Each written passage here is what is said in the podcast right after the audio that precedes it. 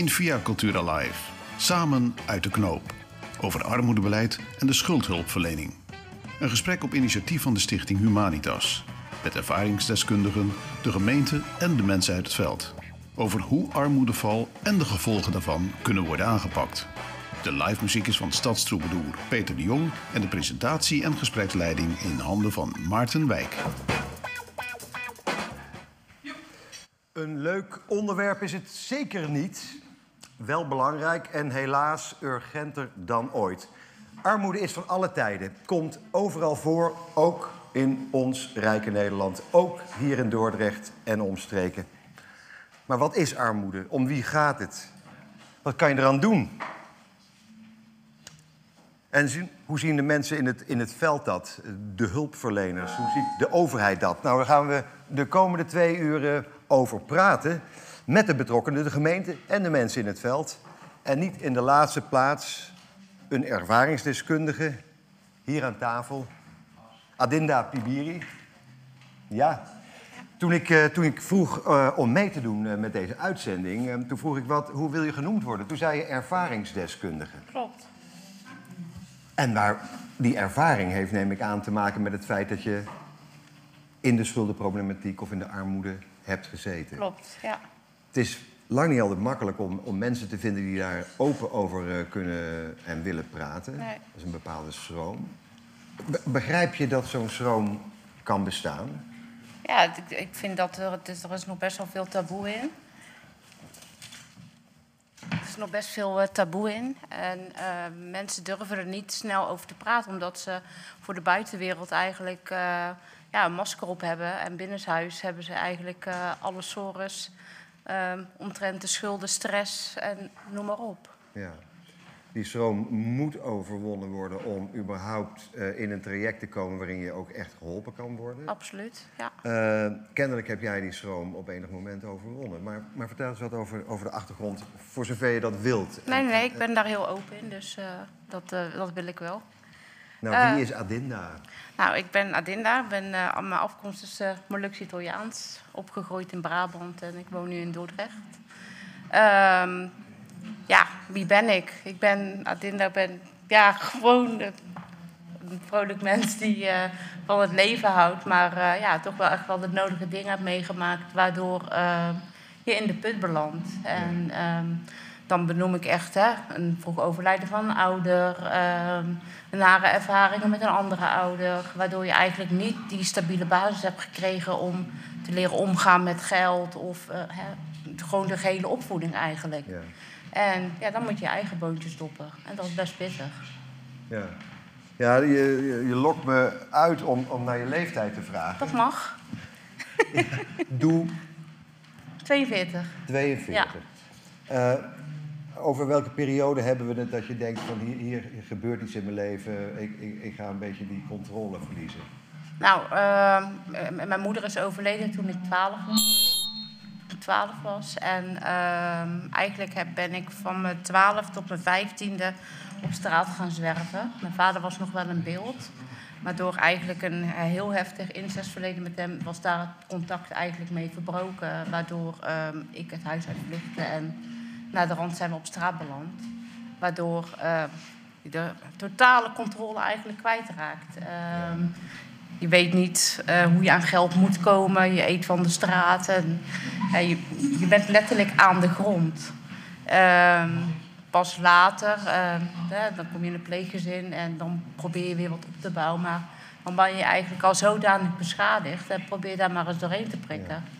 Dat is niet voor iedereen eh, Maar heb je desalniettemin ook in die tijd op enig moment wel eh, een, een start gemaakt met, met, een, met een eigen huis, of met een huis, met een woning? Met... Pas op mijn achttiende heb ik een, eh, ben ik samen gaan wonen eigenlijk met toen, de toenmalige eh, vriendje. Toen ben ik naar Dordt verhuisd, hebben een koophuis gehad.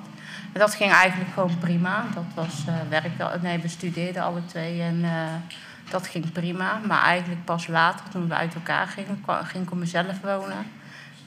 Voor het eerst mijn eigen huisje eigenlijk. En eh, toen kwam eigenlijk de klap. eh, Ja. eh, heel hard. Maar eigenlijk de hardste klap kwam tien jaar geleden toen ik mijn baan verloor. Ja. Want wat, wat deed je? Nou, ik ben afgestudeerd social work en daarna heb ik nog een deel rechten gedaan. En, maar ja, doordat ik niet lekker in mijn vel zat, kon er, had ik er geen baan in. Ik had wel uh, in het begin nog bij slachtofferhulp bij, uh, bij het rivierm en alles gewerkt. Maar toen ben ik eigenlijk her en der gaan werken, want er moet toch hè, geld binnenkomen.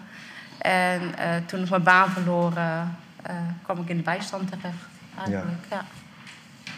Ja, en dan, nou is bijstand totaal geen vetpot. Nee.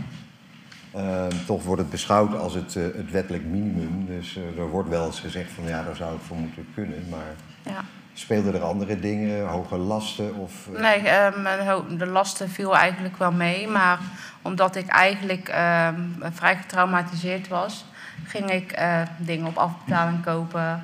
Ehm, ik dacht, ja, wat ik nooit heb gehad, wil ik nu wel kopen. Want dat is mooi.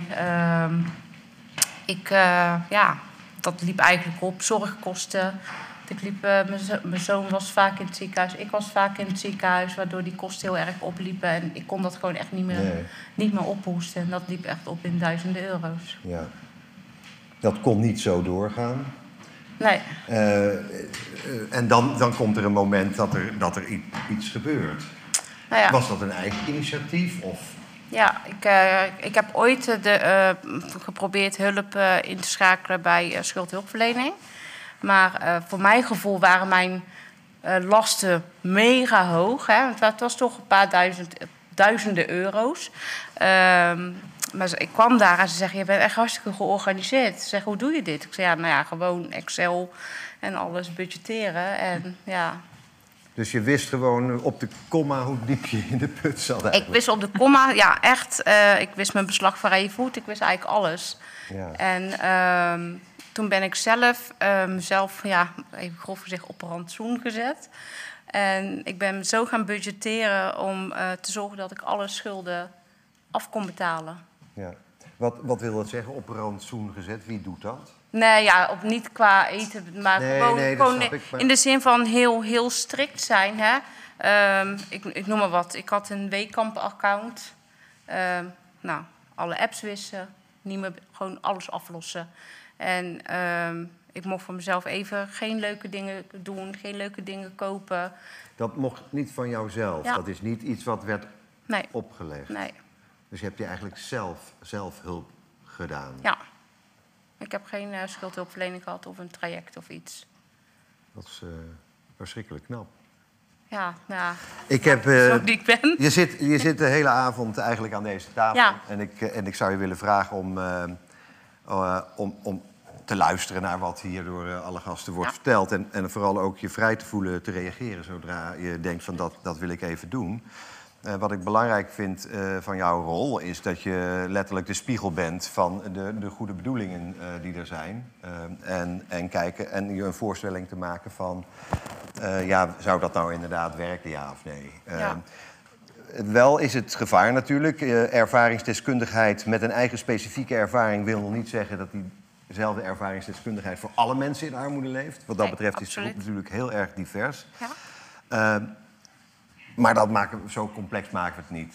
Nee. Um, in 2018, uh, ehm, misschien weet jij dat ook... toen heeft de toenmalige wethouder in een, eh, in het, van het uh, Dordrechts College...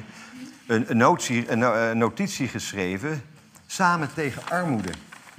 Met uh, de intentie van hoe gaan we die, die armoede aanpakken... en hoe gaan we die schuldenproblematiek te lijf... Uh, wethouder Heikop kon helaas uh, zelf niet zijn. Wilde hij wel heel erg graag. Uh, want hij is nog steeds wethouder. Vier jaar later weer opnieuw. Um, maar gelukkig hebben we Martin Meinster gevonden... die als beleidsadviseur op dit, dit terrein werkt. Vertegenwoordigt een beetje het, het collegebeleid op dit punt. En ik wil even met je terug, vier jaar geleden, 2018... Samen tegen armoede een beleidsnotitie waar de gemeenteraad overigens dol enthousiast over was. Die zeiden van gaan, uh, ja. gaan daarmee. Klopt. Wat, wat, stond daar zoal in? Ja, het was vooral een, uh, een, een, notitie om een start te maken met samenwerking in de stad. Met veel verschillende partijen om juist de, de inwoners die hulp nodig hebben beter te bereiken. En uh, er zijn allerlei projecten onderdeel geweest van dat, uh, van dat programma. Uh, dit jaar loopt het ten einde. en er zijn een aantal elementen die echt terugkomen in de aanpak. Dus ik hoorde Adinda ook zeggen, stress is iets wat gewoon heel vaak voorkomt bij mensen met schulden of met financiële problemen. dus er is ook gekeken vanuit die blik, hoe kunnen we iets met dat stresscomponent. Ja. Dus op, die manier is er ja, is, is, geprobeerd om zo dicht mogelijk bij de inwoner van Dordrecht te staan en te begeleiden richting hulp. Ja, we, gaan in de, in de loop van de, van de uitzending, de komende twee uur, hoop ik, uh, ontdekken uh, op welke manier mensen contact kunnen vinden en die drempel over durven te gaan om hulp te zoeken als ze dat nodig voor zichzelf vinden. Of dat het letterlijk nodig is van een rechter of zo. Maar um, het gaat eigenlijk primair even over het voorkomen en, en de aanpak van, van de schuldenproblematiek, kan ik me voorstellen. Gezondheidsrisico's loop je ermee. Uh, we, gaan, we gaan niet te veel in op energiearmoede, alhoewel ik daar zo meteen wel iets over wil zeggen. Maar het idee was preventie. Proberen, en, en, ik ben zo benieuwd. Uh, preventie, hoe kun je daar als overheid uh, aan doen? Ja, ja dat, is, dat is, ik denk, het lastigste onderdeel van uh, schuldenaanpak, preventie. Maar ook het belangrijkste, want dat, wat, wat we veel zien uh, bij de gemeente en bij de sociale dienst, die voor de gemeente werkt natuurlijk, uh, zien we dat mensen zich melden als ze een gemiddelde schuld hebben van zo'n 45.000 euro. Dus dat is echt fors. Dat is in heel Nederland een probleem. Dat is niet iets ja. wat, wat alleen in Dordrecht is. maar dat, dat is omdat de sociale dienst of de overheid toch vaak als laatste redmiddel wordt gezien. En uh, zoals Adinda het omschrijft, uh, zij heeft het zelf uh, ook weten op te lossen. Nou, dat is ontzettend knap. Iets wat heel veel mensen niet kunnen. Juist ook omdat ze te maken hebben met stress en allerlei andere problemen die ze misschien meemaken in het dagelijks leven. Ja. Dus wachten totdat iemand zich meldt met zo'n gigantische schuld, 45.000 euro, dan, dan, dan is er bijna geen redden meer aan in, in, een, in, in een korte tijd. Dus die preventie is belangrijk om die gemiddelde schuld naar beneden te krijgen. En wat we daarvoor doen, onder andere, uh, is vroegsignalering van schulden. Dat is iets wat uh, nou, sinds vorig jaar wettelijk gezien mogelijk is. Maar Dordrecht experimenteert er al langer mee uh, als onderdeel van het programma. En wij krijgen, ja, eigenlijk heel simpel gezegd, betalingsachterstanden van schuldeisers, dus zorgverzekeraar, eh, energieleverancier, het waterbedrijf, die melden aan ons: let op, deze inwoner heeft nu een betalingsachterstand bij ons. Ja, Juist. Die informatie is heel belangrijk voor ons. Om... Is, is, die, is, dat, uh, moeten, is dat verplicht voor energiebedrijven bijvoorbeeld en voor woningcorporaties om dat door te geven? Of is dat uit eigen belang omdat zij inderdaad schuldeisers zijn? Ja, het is dubbel. Het is sinds 1 januari vorig jaar verplicht. Dus uh, die bedrijven moeten daaraan meewerken. Uh, woningverhuurders, energiemaatschappijen, zorgverzekeraars en waterbedrijven. Die zijn echt benoemd in de wet als uh, signaleringspartner. En daar zit natuurlijk ook deels een eigen belang bij. Want ook zij zien op het moment dat, dat ze een klant hebben die het niet meer kan betalen en zich meldt bij de gemeente, bij de sociale dienst, ja, dat zij van hun schuld, van hun vordering, een paar procent terugkrijgen uiteindelijk. Ja. Omdat totale schulden zo hoog zijn en dat afkooptraject, uh, ja, er blijft gewoon bijna niks over. Dus zij zijn gebaat ook bij een vroege signalering. Dus het is in die zin eh, win-win uh, uiteindelijk ook voor de inwoner. Ja, en dan als het eenmaal gesignaleerd is, heel snel handelen. Ja. Uh, nog even voordat we naar leuke muziek gaan luisteren. Ehm, het is er de afgelopen vier jaar niet veel makkelijker op geworden als het gaat om. Ja, je hoort natuurlijk dagelijks op dit moment het thema op uh, radio en televisie. Ja. Uh, energiearmoede, gigantische energielasten, woninghuren die omhoog schieten, boodschappen worden duurder en duurder. Merk je dat nu al heel concreet? We hebben corona ook nog een keer gehad natuurlijk. Wie, wie, om, om welke groepen gaat het eigenlijk? We, hebben, we dachten vroeger altijd aan mensen in een bijstandssituatie, maar dat is natuurlijk maar een. Uh, ja, dat verandert juist door de ontwikkelingen die, eh, die u noemt. Uh, wordt die groep steeds breder. Dus het zijn niet alleen maar mensen met een laag inkomen die nu in de knel komen. Die, uh, die inkomensgrens die, ja, die wordt steeds hoger. Dus nu ook middeninkomens.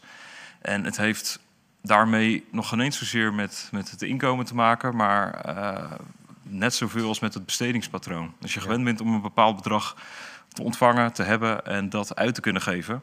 Ja, als je vervolgens geconfronteerd wordt met een verhoging van je energierekening met 30 of 50 procent ja, dan hakt dat er voor een gemiddeld gezin in. Want dat, dan heb je het over 100 of 200 euro per maand wat je opeens extra Ja. kan betalen. Nog los van de boodschappen. Ja, aanvankelijk werd er wel gezegd, die uit, eh, uitkeringsgerechtigden, die, die, dat- dat- ja, dat is gewoon de grootste groep, daar zitten de problemen. Maar dat bleek overigens ook maar 60% van het aantal gevallen te zijn in 2018. Mhm. Ik kan me voorstellen dat het percentage gewoon werkende mensen misschien wel meer dan 50% is geworden. Kan, zou dat kunnen?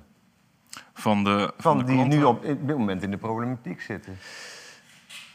Ja, dat durf ik niet zo te zeggen, dat, dat percentage, maar het groeit wel. De, de verhouding eh, verschuift. Dus het zijn, het zijn zeker niet alleen mensen met een bijstandsuitkering of echt met een, met een heel laag inkomen. Want er zijn ook genoeg mensen met een laag inkomen die, eh, die werken en net zoveel moeite hebben om de eindjes aan elkaar te knopen. Eh, maar de verhoudingen durf ik niet te zeggen. Nee. Geen erg leuke berichten, maar we gaan proberen er toch een positieve uitzending van te maken. En eh, laten we in de eerste plaats over aan eh, de muzikant van dienst. Hij noemt zichzelf eh, Troubadour. En tegenwoordig heet zoiets een singer-songwriter, toch? Peter de Jong. Eh, ja, je mag zelf kiezen of je gaat ons nog treuriger maken... of je, je vrolijkt ons helemaal op. Ik ga jullie helaas eh, nog treuriger maken. Oké. Nee, want het gaat om met armoede natuurlijk, eh, het over volwassenen. Maar in die huizen wonen ook nog kinderen die natuurlijk in die situatie groeien. En je moet natuurlijk ook alles aan doen om te zorgen dat zij niet later in hetzelfde terechtkomen. Dus daar heeft dit liedje een beetje mee te maken. Oké. En vergeet, en, eh, ja, zorg dat het bij hun in ieder geval goed gaat.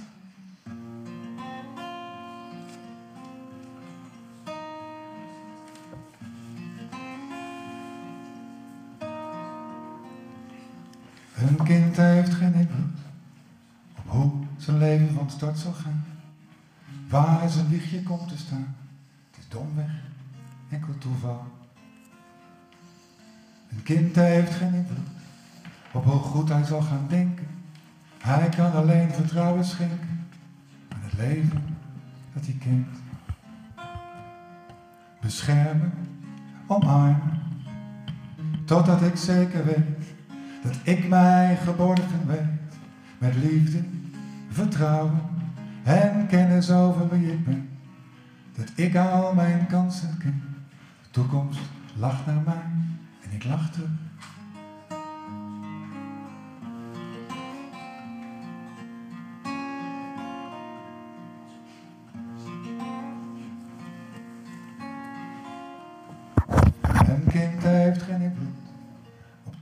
Die gaan komen. Maar als het leed zal blijven stromen, is dat niet enkel toeval. Langs de zijlijn van het leven staan veel mensen met gezag. Die elk moment van elke dag held kunnen zijn. Beschermen, omarmen, totdat ik zeker weet dat ik mij geborgen weet. Met liefde, vertrouwen en kennis over wie ik ben. Dat ik al mijn krachten ken. De toekomst lacht naar mij en ik lach terug. Beschermen, omarmen, totdat ik zeker weet dat ik mij geborgen weet. Met liefde, vertrouwen en kennis over wie ik ben. Dat ik al mijn krachten ken. De toekomst lacht naar mij en ik lach terug.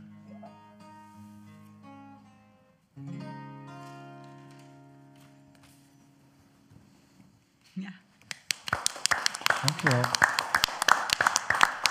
Dat een, dat een prachtige stem als die van Peter de Jong zoveel treurigheid eh, eh, kan brengen. En wat goed dat dat gebeurt, want je zou het bijna vergeten. Maar het is niet vergeten trouwens in de Samen tegen Armoede notitie.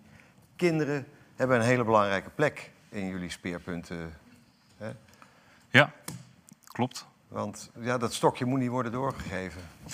Nee, nee zeker niet. De, eh, kinderen zijn, ja, eh, zoals eh, Peter ook zei, mogen geen slachtoffer worden, mogen niet de dupe zijn van de situatie die er is.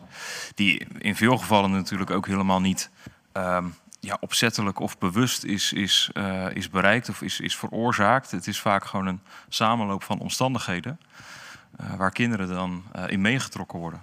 Ja. Wat wordt er concreet gedaan eh, in het programma om, om kinderen zoveel mogelijk te laten deelnemen, hè, nog steeds? Want daar gaat het toch om? Ja.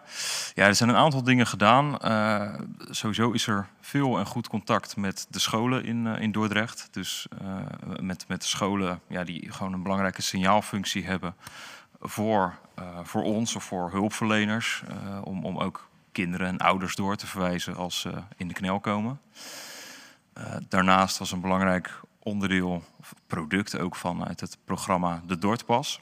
Dus de Dordtpas is eh, ja, ontwikkeld eigenlijk voor alle Dordtenaren. Het is zeker geen pas voor mensen met een laag inkomen, zoals het ook echt gelanceerd. Het is voor iedereen.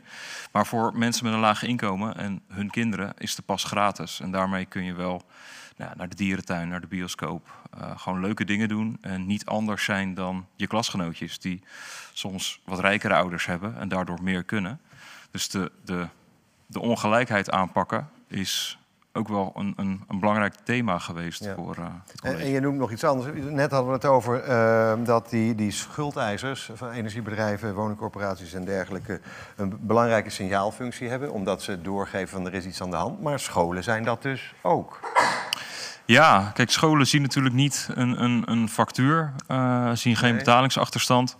Maar zouden wel signalen kunnen herkennen van een, een, een kind wat met eh, een lege lunchtrommel of geen lunch of eh, kapotte schoenen dagelijks naar school komt. Ja. Ja, en dan heb je. dan mag je erop rekenen dat een, dat een leerkracht zoiets ziet, herkent en daarop actie onderneemt. Ja, ik Ja. zie Adinda twijfelend knikken van, nou, ik vraag me af of dat, dat gebeurt, maar Ja, Gebeurde dat in jouw tijd? Nou, ik, ik, ik heb hem heel lang meegeholpen op de school van mijn zoon. En die is nu inmiddels 16, die zit op het derde jaar nu. Maar op de basisschool heb ik heel wat kinderen gezien met lege broodtrommels. En dan of stiekem een zakje chips als lunch. En er werd echt vrij weinig mee gedaan. Dan was het meer van gaan we naar boven om een boterham te pakken bij de BSO. Maar er werd niet echt iets opgepakt. En ik als hulpmoeder, om even zo te zeggen, had echt zoiets van... Hier moet ik wat mee. En eh, dat, dat vond ik best wel lastig. ja, snap ik. Ja, ja als je dat eh, ook echt daadwerkelijk ziet en, en eh, zelf ook de achtergrond eh, Ja. eh, kent natuurlijk, ook wa- waar kinderen dan mee te maken hebben. Eh, dus we, we, we zijn er ook Nee. nog niet. Dus nee, maar, er is maar nog veel het werk is te wel doen. een goed aandachts... Het is in ieder geval een mooi instituut, de school. Omdat Ja, het in potentie een, een bron is om te signaleren. Ja. Een andere plek om dat te doen, eh, Lian eh, Menting. Ja, ik, ik heb altijd begrepen, de sociale dienst die heeft ook altijd vroeger een rol gehad. Eh, die zorgde voor bijstandsuitkering. Dus het was logisch dat die ook contact hielden met hun cliënten. En dan misschien vermoedens hadden van oh, armoede of schulden. Maar de, de sociale dienst, ik, ik, snap de rol die ze op dit moment spelen in die keten, in die zorg, niet helemaal. Wat, wat doet de sociale dienst meer dan alleen die uitkering verschaffen? De sociale dienst heeft een bepaalde eh, speciale afdeling, de afdeling schuldhulpverlening, dat heet de afdeling ABS. En die voeren echt gewoon de schuldhulpverleningswet uit. Dat deden ze overigens altijd al. Ehm, en wat wij met de ketenstandardisatie, eh, met die ketenaanpak hebben gedaan, is de schuldenhulpverlening is, is eigenlijk tweeledig. Het ene stuk is het sociaal-technische stuk van schuldhulpverlenen, onderhandelen met de schuldeisers, de belastingvrije voet uitrekenen en allemaal die, die technische dingen. En dat vraagt een bepaald specialisme. Daar is de, daar is de eh, eh, afdeling schuldhulpverlening van de sociale dienst supergoed in.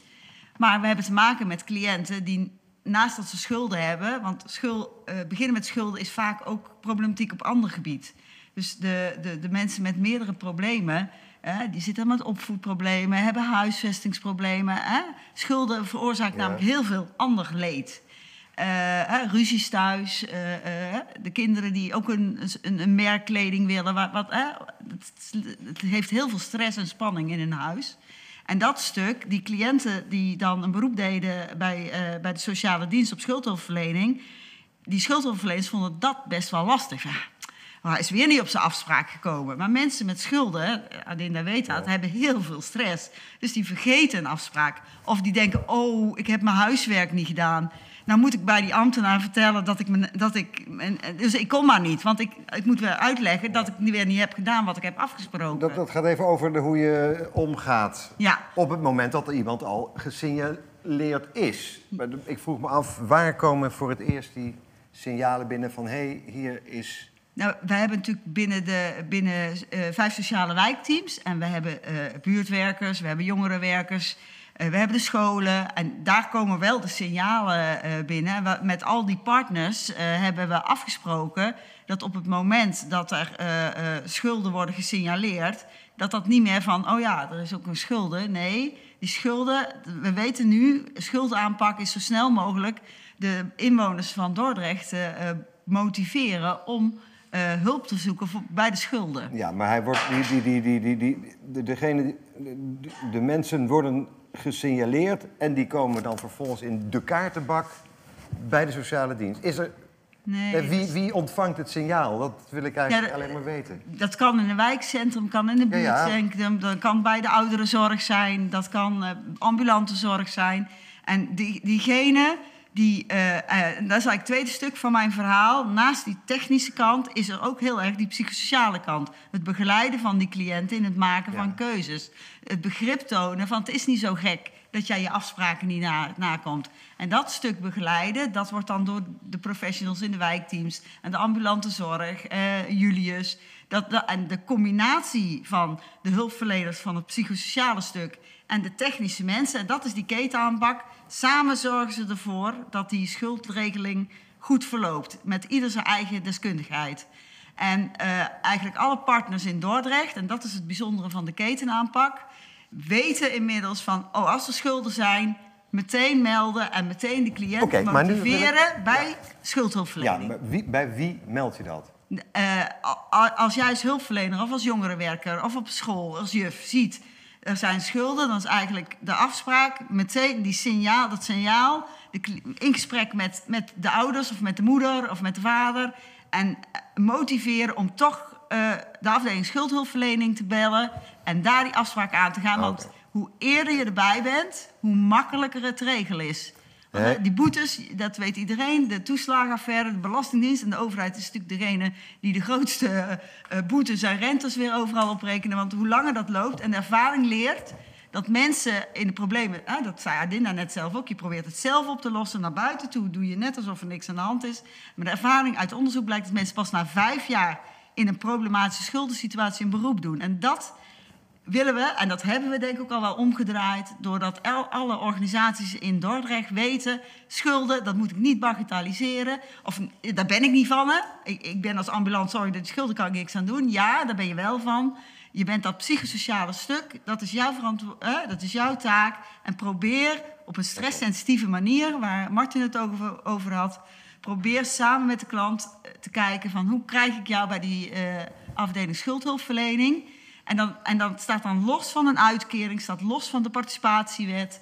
Maar het is wel een onderdeel van de, de sociale diensten Ja, Drechtsteden. dus jullie, de afdeling eh, eh, schuldhulpverlening is een afdeling binnen de sociale dienst? Ja. Oké, en, eh, en alle mensen in het veld die hebben als, eh, op hun prikbord staan... als ik iemand tegenkom die dit signaal afgeeft...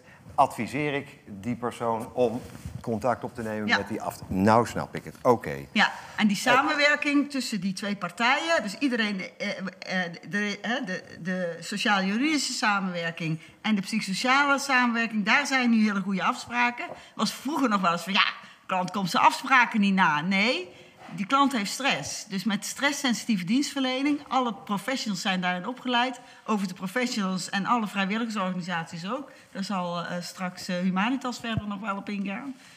Iedereen, eh, wij willen daar eigenlijk eh, dat die mensen op dat moment eh, eh, eh, op een goede plek terechtkomen. Dat is duidelijk. Ja. We gaan eh, aan het eh, eind van het uur nog een uitgebreid praten met een aantal van die mensen in het veld, of organisaties in het veld. Ehm, wel nog een reactie. Er zijn natuurlijk er, er is eh, situaties waar mensen gedwongen worden om eh, hun schuld te saneren. Dan is er een soort gerechtelijke uitspraak. Die komen automatisch bij de afdeling eh, Ja, van jullie terecht. Dan zijn er ook mensen die in één keer hun huis brandt af. In één keer in, één keer in de problemen. Urgente nood.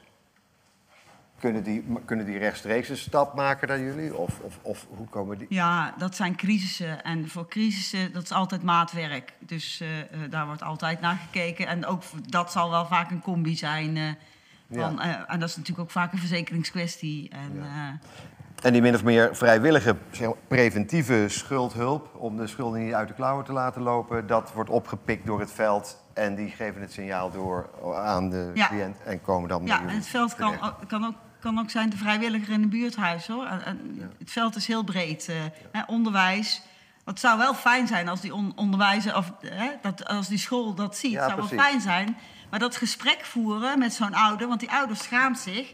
En dat, dat is best een moeilijk gesprek. En dat is eigenlijk ook wel waar we aandacht in hebben bij alle partijen in Dordrecht. Oké, Adinda, eh, jij hebt destijds eigenlijk zelf het initiatief genomen eh, met je Excel-spreadsheet om de zaak eh, onder controle te krijgen. Ja. Heb jij het idee dat mensen die in de soortgelijke problematiek zitten, die dan niet Excel kunnen bedienen, genoeg duidelijkheid hebben van waar ze terecht kunnen? Het is een, een stukje wat echt stap voor stap gaat. En dat begint met open je post. De, de meeste mensen in de schulden openen hun post niet. Dat belandt op de stapel. En ehm, als uiteindelijk het te laat is, komt die stapel bij, bij de sociaal dienst of bij Humanitas of waar dan ook. Van Ja. dit is wat ik heb, ik weet niet wat erin zit. Ehm, ik heb dat eh, twee keer gedaan en het, het riep mij op de een of andere manier van open mij, open mij. Ik kon dat niet laten liggen. En misschien is het een stukje discipline wat je moet hebben, maar ook eh, iets van. ehm, ik had een kind om voor te vechten. Van, ik kan mijn huis niet kwijtraken. Ik kan niet zonder stroom zitten. Ik kan niet zonder water zitten. Ehm, ik eet misschien wel een boterham minder, maar mijn zoon niet. Ja. En ja, daardoor ben ik gewoon ja, vol discipline gaan budgetteren voor mezelf. En ja, Ehm, Maar Lian het zijn of, niet allemaal of hè? Dat, Nee, dat, nee. is eigenlijk dat Nee, is een vraag, hè? Het zijn niet allemaal addinda's. Nee, dat, dat, dat nee, bedoel ik nou. dat- Dat, maar ja. dat doet... Eh, eh, Lian en, eh, of, of Marten van de gemeente of, of sociale dienst. ehm, belangrijk is dat dat, dat, dat, dat middenveld alert is. Ja. En dat kunnen voetbalverenigingen, scholen zijn, de kerk. Of, of, Ja. en, en hoe Ja. maak je die organisaties bewust dat ze die, die taak hebben... en dat ze ook het goede adres eh, weten te vinden? Ja, nou ja, wij, wij hebben eh, eh, wel eens een no wrong door principe. Dus elke partij, elke hulpverleningsinstantie, elke vrijwilligersorganisatie weet van de ketenaanpak en weet ook van de manier van werken. Ehm, maar wij vinden met elkaar, en daar zitten we overigens nu wel middenin, dat wij ook best wel, wij willen eigenlijk ook nu met die coronamaatregelen en, en, en de energietoestanden. Wij willen eigenlijk, eh, schaam je niet. Hè? Landelijk wordt er ook veel meer aandacht. Hè? Het, is, is geen schande meer als je schuld hebt. Dus, en wij willen met elkaar, eh, zijn we bezig om een soort eh, communicatiestrategie voor de gemeente Dordrecht neer te zetten. Zodat er eigenlijk heel veel bekendheid is. Dat je niet eerst nog eens moet uitzoeken in de wirwar van... van eh, eh, telefoonnummers. We hebben overigens wel een website, eh, Geld en Zo en geldfit.nl. En, en daar, is, daar is wel een eerste, eh, daar kunnen, maar dan moeten mensen wel weer opgaan. Hè? Ja. Eh, dus eigenlijk, eh, wij hebben volgende week toevallig zitten wij met elkaar om tafel. eh, met Arjen bijvoorbeeld, met Martin en ik, om daar eh, aan een grotere om te kijken van hoe kunnen we daar meer bekendheid aan geven. We- Dit helpt dus ook. Dat gaan we doen. Eh, daar gaan we zo meteen zelfs eh, op door. Maar niet voordat we weer hebben geluisterd naar zo'n eh, prachtig liedje van Peter de Jong. Deze heet Stigma, omdat je daar natuurlijk ook wel snel mee te maken krijgt. Van beide kanten moet ik dan wel zeggen.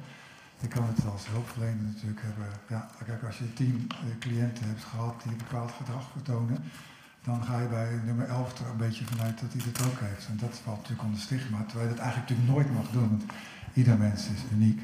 En ik heb ook gemerkt aan de andere kant dat mensen zich ook zelf stigma opleggen van, nou ja, wij worden door die zo behandeld, dan zal die dat ook wel doen. Maar we hebben een grondwet en in artikel 1 staat dat iedereen uh, gelijk is. En daar gaat het liedje over.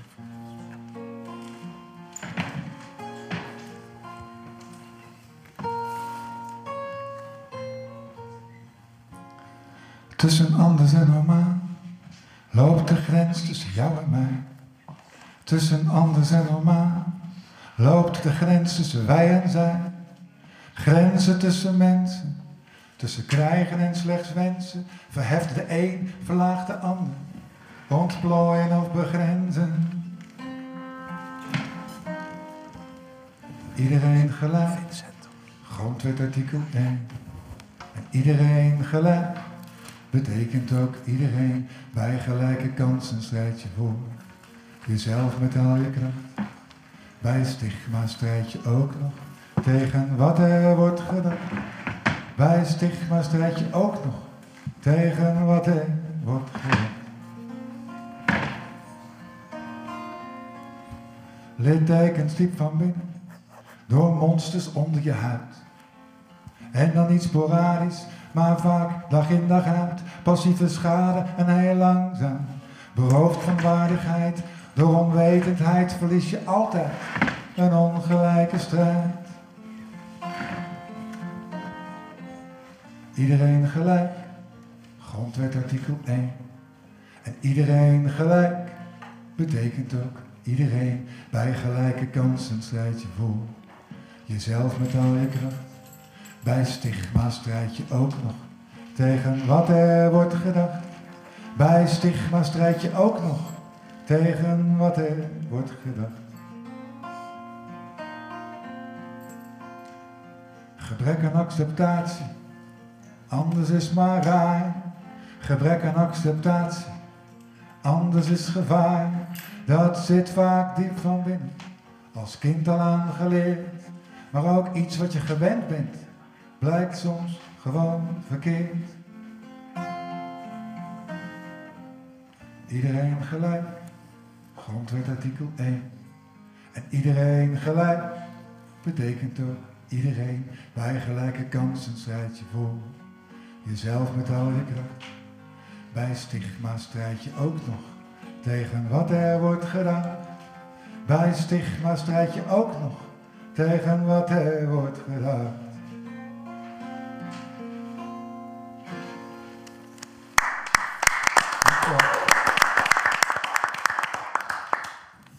Dankjewel, Peter de Jong. Ja, wij gaan, uh, wij gaan een land spreken daarvoor. Wij gaan stigma's uh, proberen uh, weg te nemen. En er zijn heel veel organisaties in het veld van armoede en schuldhulpverlening die daar ook daadwerkelijk mee bezig zijn. en die zitten nu aan tafel. Ehm, niet in de laatste plaats Humanitas, Stichting Humanitas. Twee jaar geleden 75 jaar geworden. Dat betekent dat jullie nu 77 zijn. Nou, ik ken Humanitas zelf nog van de Algemene Loterij Nederland. en mijn moeder was lid van Humanitas. En ook van die loterij. Uh, ja, ik associeer dat direct met, uh, met alles wat maar enigszins uh, in de maatschappij speelt. Sociale gebeurtenissen, dingen waar je op een of andere manier ja, bij staat. Ja, dat is een, uh, terecht terecht gevoel. Ja, dus... jullie doen uh, ook, ook uh, daar gaan we met name in de tweede uur op in, uh, specifiek iets in de, in de schuldhulpverlening. Ehm, maar ik kan me heel goed voorstellen dat jullie een ongelooflijk goede antenne, want ook landelijk georganiseerd, ja. hebben van wat speelt er eigenlijk allemaal in de samenleving. En dan kom ik even terug op wat er net werd gezegd armoede is niet een op zichzelf staand iets. Er komt zoveel meer bij kijken. Wat met kinderen gebeurt. Er zitten altijd problemen achter op een of andere manier. En, en, Stichting Humanitas houdt zich daarmee bezig. Um, maar ik wil toch eerst even naar uh, Anne Schening. Want jij zit in zo'n zogenoemd sociaal wijkteam. 2015 ooit eens een keer als bedacht. Een laagdrempelige instap voor burgers in de, of inwoners in hun eigen wijk. Zit je ergens mee, binnenlopen, een balie en die kunnen doorverwijzen of zelf al hulp bieden. Werkt dat? Nou, wat De afgelopen toen, eh, zeven jaar? de afgelopen zeven jaar, wat er gebeurd is in 2015, eh, eh, waar de wijkteams gestart zijn, moeten we niet vergeten dat er al in 2007 in de wijken van West in Dordrecht al eh, projecten liepen van eh, achter de voordeur en allemaal landelijke trajecten al. Van dat we toen al wisten dat er heel veel achter die voordeuren liggen waar wij eh, met z'n allen denken dat, dat je weet dat het er is. Maar als we aan mensen vragen hoe is het met je, hebben we het allemaal zo, als je het over stigma hebt, eh, zo geleerd om te zeggen het gaat goed. Dat we de uiterlijk schijn ophouden. Dus wat ik eerst mee wil beginnen, voordat ik iets over het wijkteam zeg, wil ik het initiatief van Humanitas heel hartelijk bedanken om het taboe weg te halen binnen, binnen ja, Dordrecht vooral, maar ik hoop ook landelijk. Want het taboe maakt dat wij met elkaar zorgen dat welke drempel we ook maken, elke drempel te hoog is als je niet lekker in je vel zit. Of hoe je het ook wil noemen. Het is maar net of het door stress is of door schaamte. eh, het kan ons allemaal overkomen. Ja. En daar zou ik echt. Een lans voor willen breken, dat we dat met ons allen weten. Want ja, wat we ook oprichten, we kunnen het alleen als we samenwerken. En ook als we het samen doen. Maar ook als we alle inwoners, en dat hoop ik ook dat de luisteraars daar ons mee willen helpen, ook gewoon met elkaar dat gesprek aan durven te gaan. Want we kunnen alles inrichten, maar als we het niet een lans breken om mensen de drempel die we zelf maken weg te halen, dan wordt elke drempel makkelijker te nemen. Als we er ook maar dat stigma, wat ik echt heel belangrijk vind, gelijke rechten. Maar we hebben met z'n allen zo'n systeem gemaakt dat dat moeilijk is. Dus toen de wijkteams kwamen in 2015, kan ik je vertellen, stonden ze in de rij. En met welke vragen? Financieel. En welke financiële vragen? Tassen vol met uitzoeken en doen. Omdat heel veel mensen daarvan, 80% was toen financiële vragen, waren al in de schuldhulpverlening, eh, waren er ook al heel veel geweest. Maar dat toen in die tijd iedereen naar eer en geweten eh, het probleem aanpakte door binnen drie jaar eruit te kunnen komen. Maar het probleem voor de mensen zelf te helpen hoe je het ook moet oplossen. Dus waar juist de, de Humanitas en alle mensen die daarmee bezig zijn, zo kunnen helpen. Maar hoe krijg je mensen nou over die drempel heen? Nou, dat is wat we nu in 2018 de ketenaanpak echt heel gelukkig is dat dit gekomen is. Dus daar ben ik blij mee. Want je kan niet overal van zijn. En dat was bij de wijkteams natuurlijk zo. Eh, we waren overal van. Daar zaten allemaal mensen met veel expertises. En financiën is echt een expertise. Ik, ik, je zegt in ieder geval iets wat, wat, wat, wat heel erg gerust stelt. Of, of blijkbaar, mensen weten het wijkteam dus wel te vinden. Ja, Nog even los van het, of, ze, of ze een goed antwoord kunnen krijgen, maar ze weten, komen in ieder geval binnen. Ja, maar dat wijkteam is niet alleen. Hè. Ik wil echt af dat een wijkteam... We moeten een vindplaats... Een wijkteam is ook een vindplaats. Maar eigenlijk zijn scholen, eh, zijn op de straat... eh, winkels. Eigenlijk zijn alles vindplekken, bibliotheken... eh, sportverenigingen... eh, al dat soort dingen zijn vindplekken. Alleen als je geen geld hebt, kom je ook niet meer op een sportvereniging. Nee. Dus dat zijn wel dingen. Hè. We, we willen alles zo inrichten dat je gaat vinden. Het enige wat kan helpen, is dat je de taboe eraf haalt en mensen ook weten waar kunnen we naartoe. En dat waar kunnen we naartoe, kunnen we alleen maar met z'n allen doen door te weten. Dus die ketenaanpak, handen in elkaar en mensen erop wijzen. Dan ga ik weer even terug naar die, die nota van 2018. Ik heb daar helemaal op de allerlaatste pagina een opsomming gezien van allerlei organisaties die op een of andere manier bij dit onderwerp betrokken zijn. En ik lach er een beetje om, maar daar bedoel ik helemaal niks mee. Formulierenbrigade, Schulp Hulpmaatjes, Stichting Urgente Noden, Startpunt Geldzaken, Financieel Hulphuis. Humanitas Thuisadministratie. Over dat laatste gaan we twee uur uitgebreid praten. Maar Arjen Baan, Ja. Eh, je hoort het net vanuit de sociale teams. Eh, mensen komen binnen met, met dit probleem, hebben vragen. Sociale teams kunnen dat zelf niet altijd oplossen. Gelukkig is er een breed eh, maatschappelijk middenveld waar allerlei organisaties dat wel kunnen. Ja. Maar jemig, dat is een eh, behoorlijk onoverzichtelijke club. Tenminste, zo ervaar ik dat, zo zie ik dat. De gemeente, want die heeft de lijst gemaakt. Ja, Ja, nee, er zijn ontzettend veel, en je, je mist er echt ongelooflijk veel nog, hè, die Ja, op ja. de lijst staan. Er zijn ontzettend veel organisaties die iets doen rondom armoede of schulden. En er zijn een aantal organisaties, een beperkt aantal, die echt met vrijwilligers mensen helpen. Hè, dus aan, aan de keukentafel zitten. En is eigenlijk met name Schild op Maatje Humanitas.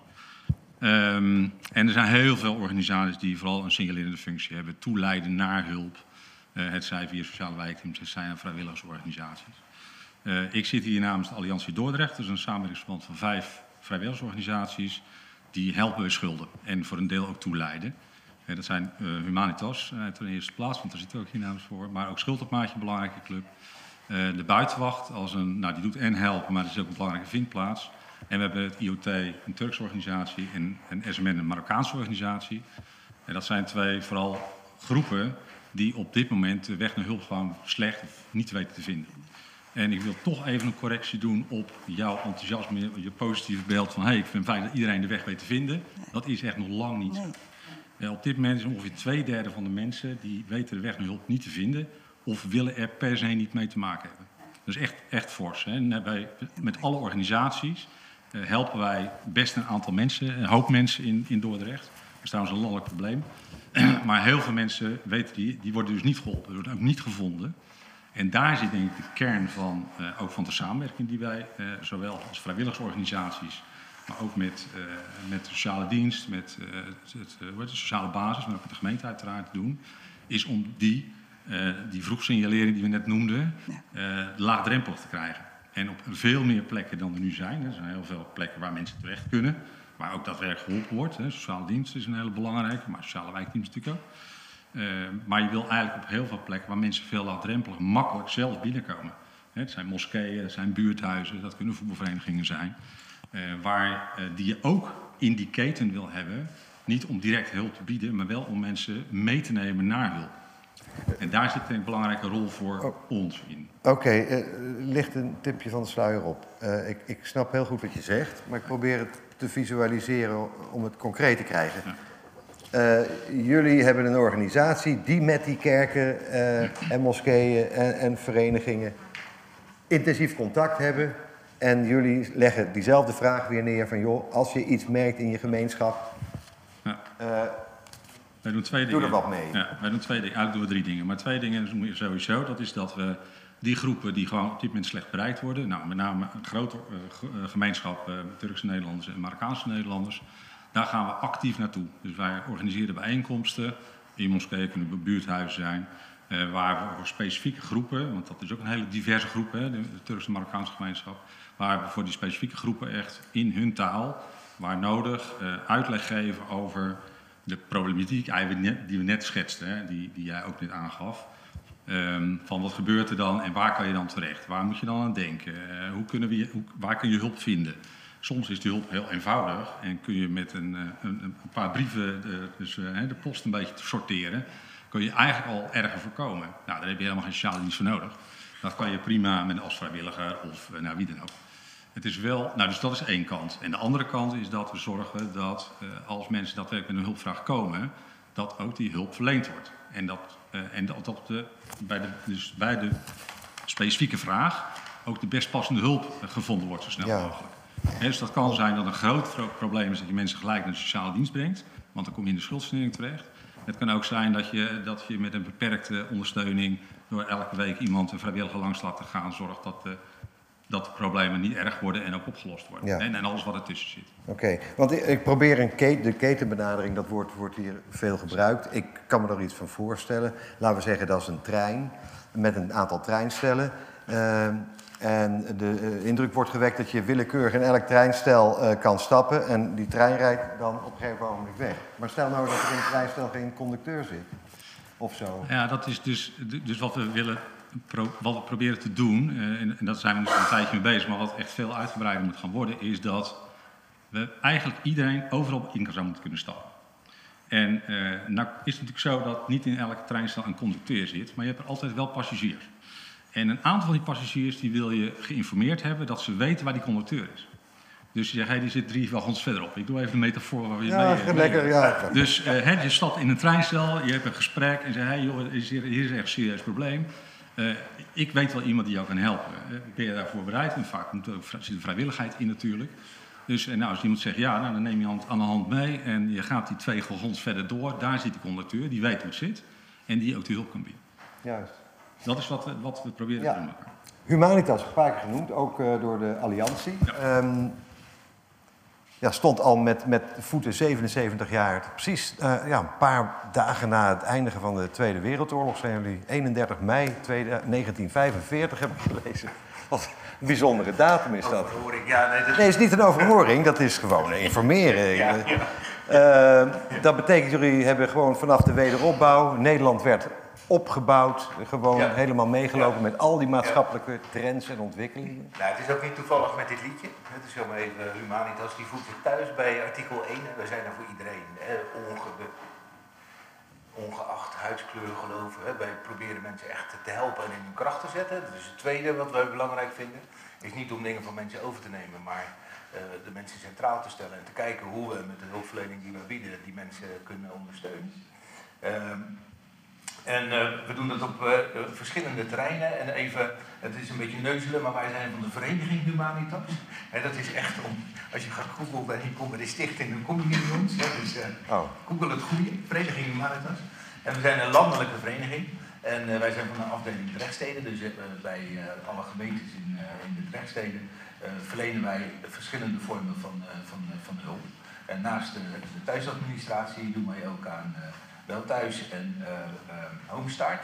Daarin begeleiden vrijwilligers. We zijn echt in de kern vrijwilligersorganisatie waar vrijwilligers actief zijn. Eh, die gezinnen ondersteunen om ja, gewoon een beetje lekkerder en, beter in het, in het leven te staan. Ehm, en wij zijn op dit moment, als het gaat over hulpverlening, ook bezig om met Cat een programma op te zetten voor jongeren. Eh, om eh, echt eh, voor jongeren die, nou, het verhaal hebben we net ook gehoord, hè, die opeens kunnen tuimelen in, in, in schulden en, en uitkeringen en problemen hebben met, met het omgaan met, met geld. Om daar ook een specifiek programma Ja, want en hoe worden jullie nou gevonden? Jullie zijn dan ook zo'n treinstel, even, ja, nou ja, goed oneerbiedig. Ja. Mag ik nog even een complimentje maken voor de locomotief? Want we hadden het net even over de wethouder die Ja, ja, ja. Voor, de, voor de tweede keer gekozen is. En ik vind het toch wel echt uniek dat eh, in Dordrecht, eh, in die zin, zeg maar, als het gaat over schuldhulpverlening en het koppelen van schulden en de stress die daarbij zit, we echt gewoon koploper zijn in Nederland en een wethouder hebben die, die probeert om gewoon bestuurlijk Nederland mee te krijgen in zo'n beweging. Dus er, mag er nog veel te, te verdienen zijn en te winnen zijn in Dordrecht en we kunnen het met z'n allen beter doen. Maar ik, wil toch graag even gezegd hebben... Dat, Meneer Heikoop, u bent een locomotief. Gewoon doorgaan, maar niet meer op stoom. Zeker. Wij doen mee. Ja, Ja. Eh, maar eh, dat even terug naar, eh, dan ga ik even naar Anne Schening en jullie, eh, twee eentje. Hoe, hoe, hoe, Nou, dit, ik op een gegeven moment zeggen jullie, nou ga eens naar Humanitas. Want hoe, hoe, hoe zit dat, dat, Nou, als dat je, als je een van de, van de stukjes neemt, is dat inderdaad, wij op het moment gezegd hebben, er zijn veel meer mensen die heel veel expertise hebben. Maar je wil eigenlijk dat je veel vroeger eh, bij de mensen komt, juist om, om, om het, te, ja, te- het ergste te voorkomen. Dus wat we gedaan hebben is met vroegsignalering, dus vroeg erop af, dat is eh, een samenwerking met 50 eh, organisaties die aangesloten zijn. Die geven een signaal dat er al lagere problemen zijn. Alleen is, vindt niet iedereen het leuk als je zomaar aanbelt van hé, Nee. hey, het is bekend. Dus wat belangrijk is, dat je ten eerste goed met elkaar bekend maakt. Ja, maar dit is er niet. Dit is juist om je te helpen. En bij die mensen waar je dan aanbelt en waar blijkt dat het inderdaad een kleine betaling, achterstand van betaling is, die mensen zijn heel blij als je eh, kan verwijzen naar, naar vrijwilligersorganisaties die naast je kun, kan gaan staan, doordat je elkaar kan helpen. Dus dat is een rol die onder andere het, het wijkteam kan hebben. Maar dat kunnen we alleen doordat we wel steeds meer zeggen... mensen moeten echt expertise hebben om erachter te komen... dat financiën een probleem is. Juist. Ehm, de- Maar dat gaat niet, eh, ik wil het toch even aanvullen, het gaat niet vanzelf. Hè. Nee. Wat, wat, wat ik, en dat, Dat is ik wat- in, in onze organisatie. Wij gaan erop uit. Wij zitten Ja. in de alliantie bij Arjen Baan. We proberen met vrijwilligers in die wijkteams eh, te komen. Dus om even dat die aansluiting zoeken. Dus deel worden van, van het treintje. Zo maar even zeggen. Dat is eh, heel erg belangrijk. Maar straks komen de vrijwilligers van de. En we doen- En ik- en En mag ik- Mag ik eh, daar een aanvulling op doen? Dat is de, de weg waar ook de gemeente wil dat we steeds meer naartoe gaan. Dat het naar, naar voren bewegen. Dus laten we de locomotief eh, het eerste wagonnetje nemen. eh, dat we daar gelijk ook veel sneller op aanhaken. En niet alleen, dus op alle plekken waar mensen zijn, dat er eigenlijk al iemand is die weet: hé, hey, jij kan gelijk instappen en we kunnen, we kunnen met jou eh, verder. Dat is wat ook de gemeente Dordrecht. Nou, wat ik hieruit hoor, en dat geldt zeer waarschijnlijk niet alleen voor de stichting of voor Vereniging Humanitas, maar voor, voor, voor vele andere organisaties. wou- die wou worden zeggen, het zijn er gevonden. veel, hè? Eh, die Ja. worden wel gevonden, Ja. toch? Ja, ja. Ja. En dat, we gaan toch eh, desalniettemin. Want dat wil ik ook nog eh, zeggen, want er zijn natuurlijk ook mensen die ook geholpen zijn als er juridisch meer ook dingen aan de hand zijn. Hè? En dat kan ook al veel meer in het vrijwillige kader. Dus dat is ook belangrijk om te weten dat er heel veel andere dingen bij hangen. Dus daar zijn ook diensten als bureau sociale raadslieden, eh, financieel hulphuizen. Nou, noem alles maar op. Dat is ook goed om van elkaar te weten wat je kan doen. Want dat is goed ook als vrijwilligersorganisaties. Dat we zijn niet alleen. Dus neem ook elkaar mee. Ik had een beetje de ambitie om, eh, om, om een tekening te maken en dat in woorden uit te drukken. Een soort schaakbord of voetbalveld waarin alle poppetjes precies op een plek stonden. Je een overzicht had van Ja, zo wij zijn het middenveld helemaal. nu, hè? Maar je hebt in ieder geval een hele goede eerste aanzet gegeven. Er zijn gewoon veel organisaties werkzaam. In het tweede uur gaan we eh, met de vereniging Humanitas verder praten over een van, eh, van ja, hun producten de thuisadministratie. Gewoon meekijken met ja, letterlijk de brieven, de enge brieven. En hoe zet je die allemaal op een rijtje, zodat je je financiën op orde krijgt of op orde houdt. Als ik het zo een beetje goed samenvat. Ehm, nou, gewoon luisteren, het tweede uur. Maar inderdaad, dan zit je er ook. Ik zie, ik zie jou ook nog het tweede uur ergens voorbij komen. Anne, zet hem op bij de sociale wijkteams. En eh, ja, wij spreken elkaar toch nog. Ik denk het wel. Ik denk het ook. Ben ik te vroeg?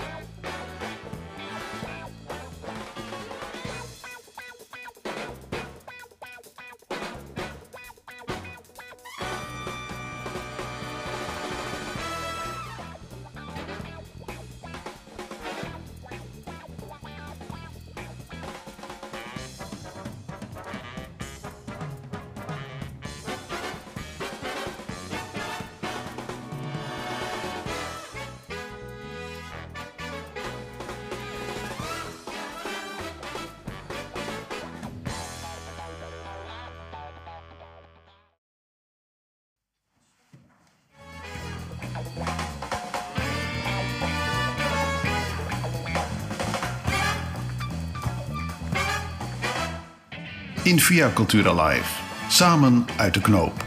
Over armoedebeleid en de schuldhulpverlening. Een gesprek op initiatief van de stichting Humanitas. Met ervaringsdeskundigen, de gemeente en de mensen uit het veld. Over hoe armoedeval en de gevolgen daarvan kunnen worden aangepakt. De live muziek is van stadstroubadour Peter de Jong en de presentatie en gespreksleiding in handen van Maarten Wijk. Welkom terug eh, bij Via Cultura, waar we het hebben over eh, ja, armoede en schuldenproblematiek. Het eerste uur hebben we een beetje in kaart proberen te brengen van hoe ziet de hulpverlening daar omheen eigenlijk uit en hoe is het gemeentelijk beleid, hoe werkt de sociale dienst, hoe werken al die mensen in het veld samen. Ja, om vooral de signalen op te pikken dat er een bepaald probleem is of dat er gezinsproblemen zijn of mensen met problemen. Om dan ook adequaat en snel te kunnen ingrijpen. Of we erin geslaagd zijn om dat hele duidelijke beeld te creëren, dat weet ik niet. Maar ik denk wel dat, eh, dat we enthousiast kunnen vaststellen dat er gewoon heel erg veel gebeurt. En er ook veel organisaties zijn die daadwerkelijk met dit probleem aan de gang zijn. En niet in de laatste plaats eh, Humanitas. Eh, Humanitas, een organisatie, ja, iedereen kent waarschijnlijk de naam wel, al 77 jaar actief op het maatschappelijk vlak met allerlei problemen. Maar ook in de armoedezorg hebben ze een product ontwikkeld, zo heet dat tegenwoordig geloof ik, product ontwikkelen. Of een dienst die ze aanbieden en die heet thuisadministratie. En ja, klinkt een beetje droog vind ik. Klinkt als Excel of zo, maar ehm, het lijkt me wel heel erg belangrijk en ook boeiend En daarom gaan we daarover praten, thuisadministratie. Wat is dat eigenlijk, Joke Keizer? Nou, uh, je, je, noemt het al, thuisadministratie. Uh, mensen denken dan uh, soms ook dat we alleen van de administratie zijn en dat we die thuis doen. Maar het is natuurlijk veel breder. wij krijgen onze aanmeldingen van deelnemers via een heleboel kanalen, onder andere de wijkteams. Maar zo zijn er nog veel meer. Julius, Boba, de vindplaatsen die tegenwoordig in zijn. Dus als mensen bij ons komen, dan maken we altijd een, eh, een afspraak met mensen. En dan gaan we, als het allemaal uh, oké is, ze willen door ons geholpen worden, gaat een van de coördinatoren op huisbezoek en doen we het intakegesprek. En dan zijn we bij de mensen en dan kunnen we ook zien wat is er aan de hand, hoeveel post ligt er, hoeveel stapels ongeopende post. Soms is het bakken en dozen vol en soms is het wat minder. Je krijgt uh, veel meer zicht op wat er aan de hand is. En we kunnen dan gerichte vragen stellen en zo langzaam eigenlijk tot de conclusie komen waar de, waar de hulpvraag zit. Ja. Die ook heel divers is, want uh, niet iedereen heeft, uh, heeft hele grote schulden. Soms hebben mensen kleine schulden, maar zij al enorm geholpen als alles netjes uitgezocht is. We helpen ze om alles uh, te ordenen. We nemen een ordner mee en tabbladen van het Nibud. Uh, kijken wat uh, overzichten maken we, inkomsten, uitgaven, jaarbegroting. En zo kunnen we ook zien wat voor uh, aflosscapaciteit er is. En op die manier zijn we vaak in staat om samen met de deelnemer, want die is altijd leidend waar die hulp bij nodig heeft, ja. om te kijken hoe we de problemen op kunnen lossen. Ja, dat. Je gaat een beetje al in detail. Ik, ik wou straks eens even letterlijk met zo'n vrijwilliger eens kijken en rondsnuffelen uh, alle privacywetten schenden. Dit is het dan dit is het hoe ziet die stapel eruit en ja. wat kom je in vredesnaam ja. allemaal tegen als je zo'n envelop openmaakt? Nou, meer in het algemeen. Uh, je zei net, uh, en dat is, dat is toch steeds het belangrijke, er moet een contact zijn tussen jullie en het veld. Ja. Waardoor er een signaal binnenkomt, hier is een potentieel, potentiële ja, cliënt ja, klopt. Uh, met, met een probleem.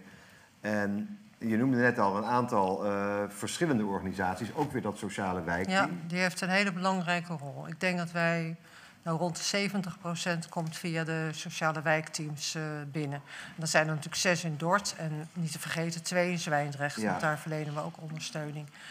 En mensen zijn tegenwoordig ook steeds uh, vaardiger met de computer, dus mensen zoeken ons ook op, via de website. Of mensen krijgen het via mond-mond reclame van uh, de buurvrouw heb je zo goed geholpen, ik wil ook graag hulp. Uh, op allerlei manieren komen, komen mensen tot ons. Ja, en er was ook die, die afdeling schulpsanering bij de sociale dienst. Ook daar vandaan krijgen wij aanmeldingen om, om mensen te ondersteunen bij het aangaan van het schuldhulpverleningstraject. Ja, want ik wil die twee dingen even uit elkaar houden. Er zijn mensen die uh, gewoon uh, onhandig zijn met het openen van hun enveloppen, uh, daardoor in de problemen komen, ja. maar nog niet per se zover dat ze. Nee, klopt. De, de schuld is dan zeg maar soms binnen een jaar kunnen de schulden gewoon, als de afloscapaciteit er is, kunnen de schulden afgelost zijn. Of is het nou, in twee jaar, maar dan kan je op een gegeven moment het traject afsluiten en dan weet je dat iemand het weer op, uh, op de rails krijgt. Ja. Dat, dat, maar we helpen natuurlijk ook mensen die echt alleen maar administratieve hulp nodig hebben. He, de weduwe die nooit administratie heeft gedaan en haar man overleed en dan heeft ze geen netwerk. En ook die mensen komen bij ons voor ondersteuning. Ja, maar die hebben vaak geen schulden, dus dat is dus al een derde categorie. Ja. Uh, ja. ja. maar die zijn natuurlijk, uh, die lopen gevaar natuurlijk. Ja, uh, die lopen gevaar. Omdat ze, even, een rechter doet op een gegeven moment een uitspraak. Meneer of mevrouw, u moet nu uw schulden de komende jaren gaan voldoen. Dan wordt er zo'n ja, een beetje een juridisch traject in ingezet. Ja. En dat kan me voorstellen, als je daar in de begeleiding zit of in de thuisadministratie, dat dat, dat een hele andere verantwoordelijkheid vraagt. Ja, nou, die trajecten zien we, zien we niet heel veel. Die, die komen sporadisch tot ons, zeg maar. Maar wel de trajecten waar mensen gewoon zelf de schuldhulpverlening in willen gaan. En dan ook met die enorme uh, ongeorganiseerde administratie zitten. En voor de schuldhulpverlening moet je heel veel paparazzen aanleveren. En dan worden we soms gewoon door de schuldhulpverlening benaderd om ondersteuning te geven. Om te zorgen dat de mensen met de juiste papieren kunnen verschijnen. Ja. Want dat is wel een must om een traject op een gegeven moment natuurlijk eh, te laten rollen. En wij blijven dan die mensen zeg maar begeleiden. Eh, Naast eh, de mensen van de schuldhulpverlening. En op een gegeven moment, als alles geregeld is en de schulden zijn eh, bekend. en, en nou ja, ze komen in het traject, zeg maar. dan kunnen wij langzaam afscheid nemen. Jij bent zelf een zogenoemde coördinator. Ja. Ehm, dat betekent dat jij, als je een, als zaken binnenkrijgt, dat verdeelt over de, over de vrijwilligers die dit werk uiteindelijk doen. Ja. Ehm, ja, dat roept eigenlijk de vraag op. Misschien moet ik die ook wel stellen aan eh, Dirk Dwarswaard. Of aan beide. Ehm, ja, wat moet, wat moet zo'n vrijwilliger kunnen om die, die enge brieven... In, eh, vaak ook in hele enge taal, ambtelijke taal, weet ik veel. Ik open ook wel eens... Ik doe dat gelukkig tegenwoordig. Ik heb ook een tijd gehad hoor, dat ik ze niet deed. Maar dit terzijde. Maar ik, dat ik denk echt, wat staat daar? Ik wil het helemaal niet lezen. Ik wil het ook... Je moet wel wat kunnen als vrijwilliger. Ja, je moet sowieso je eigen administratie eh, kunnen behandelen, zeggen wij altijd. En als je dat kan, dan ben je al een heel eind op weg. Maar daarnaast krijgen vrijwilligers bij ons een uitgebreide training. Ze, voor ze aan de slag gaan, moeten ze bij ons een eh, online training volgen. En eh, ze krijgen daarna ook twee dagdelen training fysiek bij elkaar. Dus op een gegeven moment worden ze geheel getraind eigenlijk pas op eh, de deelnemers, zoals wij eh, de hulpvragers eigenlijk noemen, eh, afgestuurd. En eigenlijk ook met ja, als basis de humanitaswaarde, waarbij wij zeggen... Mensen moeten eh, het eigenlijk leren zelf te doen. Dus wij vragen van vrijwilligers meestal... wees nou gewoon de coach eigenlijk. Hè. Ga achter op de fiets zitten en laat degene die het eh, moet doen... Nou ja, Binda is daar misschien het hele grootste voorbeeld van. Je kan het allemaal wel zelf als je de goede ondersteuning krijgt. Dus wij zeggen altijd van een vrijwilliger... joh, ondersteun nou de deelnemer... Eh, laat hem in zijn, zijn eigen regie houden. Het is zijn leven, het is zijn verantwoordelijkheid. Zijn of haar verantwoordelijkheid, hè, moet ik zeggen. En, eh, en, en eh, ja, zorg dat als je dadelijk weg bent. En wij helpen meestal de mensen een jaar. En wij verwachten dan dat ze binnen een jaar, wat wij dan noemen, zelfredzaam zijn. En dan kunnen we ze ook loslaten. En zullen ze dus de zaakjes zelf kunnen regelen. Ga je letterlijk een contract aan met mensen? Ja, ja, dat doen we. Ja. Ja, daar staat onder andere in dat, eh, dat mensen zich aan de afspraken moeten houden. Hè. Wij vrijwilligers stoppen hun vrije tijd erin. Dus wij verwachten van een deelnemer. Het enige wat we echt, echt verlangen is dat je altijd de deur open doet als de vrijwilliger voor de deur staat. Want een van de vervelendste dingen die een vrijwilliger kan overkomen is dat hij voor een dichte deur eh, staat. En daarnaast eh, staat er in zo'n contract ook dat, je, nou ja, dat, je, dat bijvoorbeeld zo'n deelnemer zijn eigen, hè, zijn eigen financiën beheert, dat hij zelf verantwoordelijk blijft en dat soort dingen staat erin. En dat bijvoorbeeld een vrijwilliger ook echt vrijwillig eh, dingen doet en dus ook niet betaald moet worden, geen cadeautjes aanneemt, dat soort, Nee. ja, eigenlijk, ja, futiele dingen staan er eigenlijk Maar in. is, gaat het dan, ehm, eh, Joke, om, om een pre- pres- prestatieverplichting? Van, jullie zeggen van nou, of, of om een inspanning die je pleegt en... Het, is, het zijn meer de randvoorwaarden eigenlijk. Hè. Eh, We willen, ja, wat- Dirk zegt, gewoon afgedekt hebben en duidelijk van... eh, u houdt zich aan de afspraken. Natuurlijk kan er iets gebeuren waardoor je de afspraken niet na kunt komen... maar zeg hem dan op tijd af. En dat, dat is eigenlijk het belangrijkste punt wat we vragen. Ja. En eh, ja, wij geven zo lang ondersteuning als de deelnemer het, eh, het wil natuurlijk. En zolang als, eh, als het nodig is. We doen na een aantal maanden altijd een tussenevaluatie. Dan komt de coördinator een keer mee. En dan kijken we even met z'n drieën van hoe loopt het. Nou, zien we al het eind in zicht. Hè? Gaat het goed of zijn er hulpvragen bijgekomen?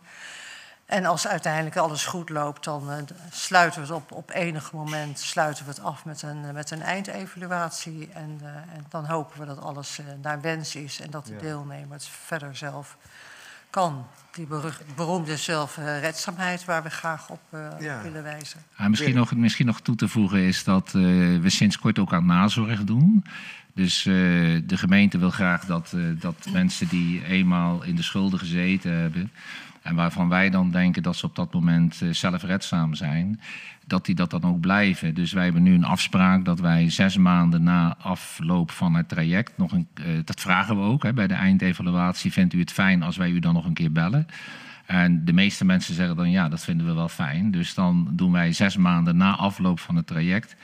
Bellen we nog een keer met eh, de hulpvrager en zeggen we van joh, eh, hoe gaat het nu? En eh, nou, hopelijk gaat het dan nog steeds goed. En mocht het niet goed gaan, dan gaan we weer gewoon opnieuw beginnen. Ja, nou, dat, dat roept de volgende twee vragen op. Eén, wat is het slagingspercentage? Ja. En twee, wat is de recidive of zo? Nou ja, wat, wat versta je onder een slagingspercentage? Nou, dat weet ik niet. Dat Dat, is wel, mensen het idee hebben van, nou, die, dat, en dat is ook een gevoel dat je misschien zelf, die is nu lekker op weg. Die, Ja. die heeft het onder controle.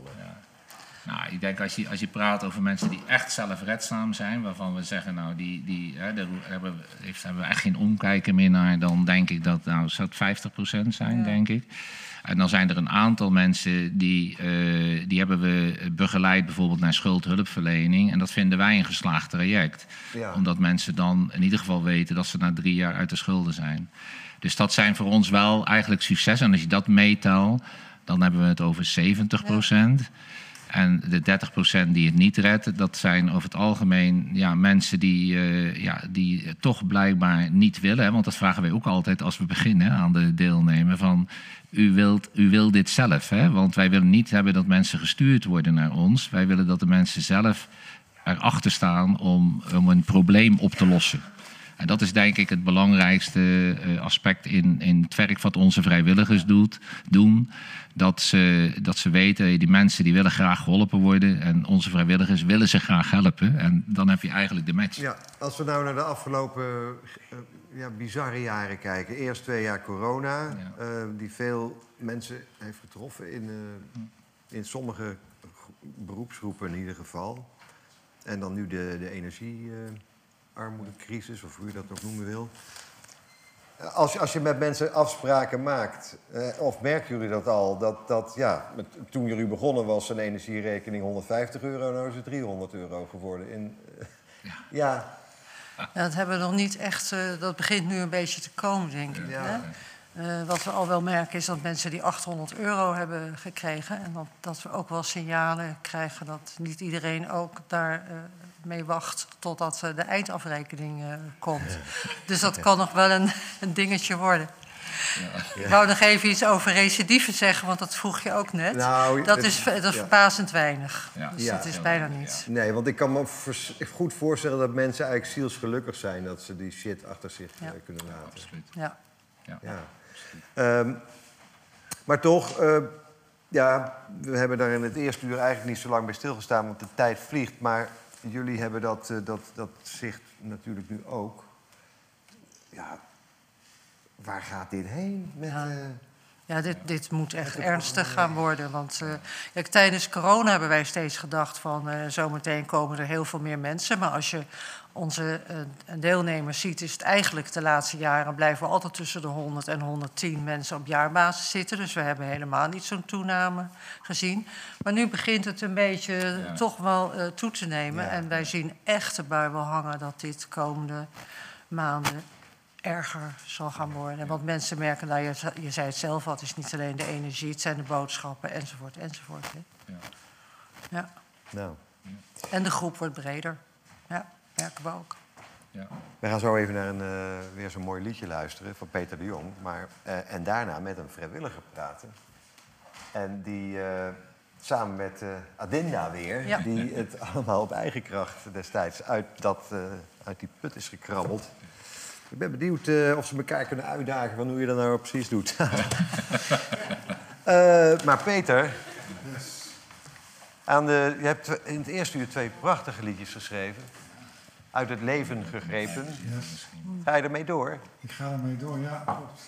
Deze sluit een beetje aan bij de zelfredzaamheid. Want dat is natuurlijk hartstikke fijn, maar dan moet je ook in staat gesteld worden om zelfredzaam te zijn. Dat is niet voor iedereen natuurlijk eh, vanzelfsprekend. Ja. En het hangt ook een beetje van omstandigheden af. Bijvoorbeeld even een, een gek voorbeeld bij ons in de straat. Eh, eh, de, de straat naast ons, de Oranjelaan, heeft niet betaald parkeren sinds een tijdje. Dus bij onze straat is hartstikke druk. Iedereen vindt natuurlijk dat gehandicapten of mensen in een rolstoel natuurlijk alle kansen moeten krijgen die we ook hebben. Maar als de kans ontstaat dat jij 100 meter verder moet parkeren dan je eigen huis, dan zet je hem natuurlijk op de afrit van de stoep waar een rolstoel af moet. Dus die zelfredzaamheid wil onder druk nog wel eens erg vloeibaar worden. Zeg maar. En daar gaat het liedje over. Dat het eigenlijk inclusief zou moeten zijn. En dat zou fijn zijn.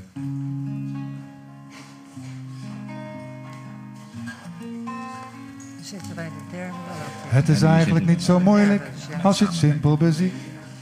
Wat gij niet wil dat u geschiet, doe dat een ander niet. Ergens zeg bij horen is een menselijk oergevoel. En dan toch jezelf zijn is het allerhoogste doel. Doe maar gewoon, dan doe je al goed genoeg. Maar wat nou wat gewoon voor jou niet haalbaar is. Sorry. Doe dan maar gek, dat vinden wij gewoon genoeg. Maar ja, met wie is dan het meeste mis? Denk aan kansen, niet aan grenzen. Vermijd stigma's, kijk naar mensen. Gun een ander, ook jouw wensen. Open deuren, open grenzen.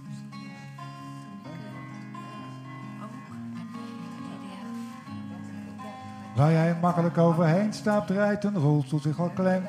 De grootste barrière is soms alleen een stem. Die je ziel doorklieft met slechts één zin. Sorry, maar het is niet anders. U kunt hier niet in. Maak inclusie geen illusie, maar gewoon de werkelijkheid. Een wereld zonder drempels, het is de hoogste tijd. En wars van schone schijn, want een ieder mag er zijn. Ongeacht geloof, beperking of geaardheid.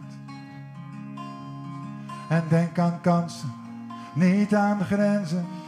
Vermijd stigma's en kijk naar mensen. Gun een ander ook jouw wensen. Open deuren, open grenzen.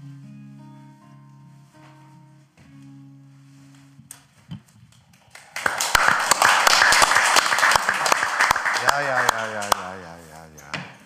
Het zijn de verschillen die we delen. Ehm, ja, naast me zit nu Jules Bakker. Ja. En jij bent er zo een eh, die als vrijwilliger eh, namens Humanitas gewoon op de deurbel drukt en wordt opengedaan. Nee, ik ga het eerst samen met Joke of met Oh. Dirk. Of... Ik wou zeggen, dan struikel je over een Ja, stapel. nee, nee, nee, nee, nee. We moeten eerst met z'n tweeën, want anders durven we niet. Ja. Nee, maar we, we gaan natuurlijk eerst naar de mensen toe. En we gaan eerst kennis maken. En de coördinator is natuurlijk al een keer geweest. Die, Ja. die kennen ze al. En dan komen ze met mij. Ja. En dan worden we voorgesteld. En dan gaan we kijken of dat ik bereid ben, of kan, of leuk vind om die cliënt te gaan helpen. Ja, ja we gaan, eh, je En gaat zo met... cliënt het leuk vindt dat ik hem ga helpen. natuurlijk. Zonder de wet eh, op de privacy te schenden ben ik toch wel heel benieuwd wat voor soort dingen je nu eigenlijk aantreft. We gaan dat natuurlijk anonimiseren. Dus Wij er treffen worden van sowieso geen namen genoemd. Nee, maar niet. uiteraard niet. Eh, maar ik, ik, ik kan me er wel iets bij voorstellen. Ik kom wel eens langs, eh, langs huizen en dan zie ik allemaal post liggen, toch? Ja. dat kom je wel eens tegen. Een hele trap vol of zo. Ja. Of hele dozen vol.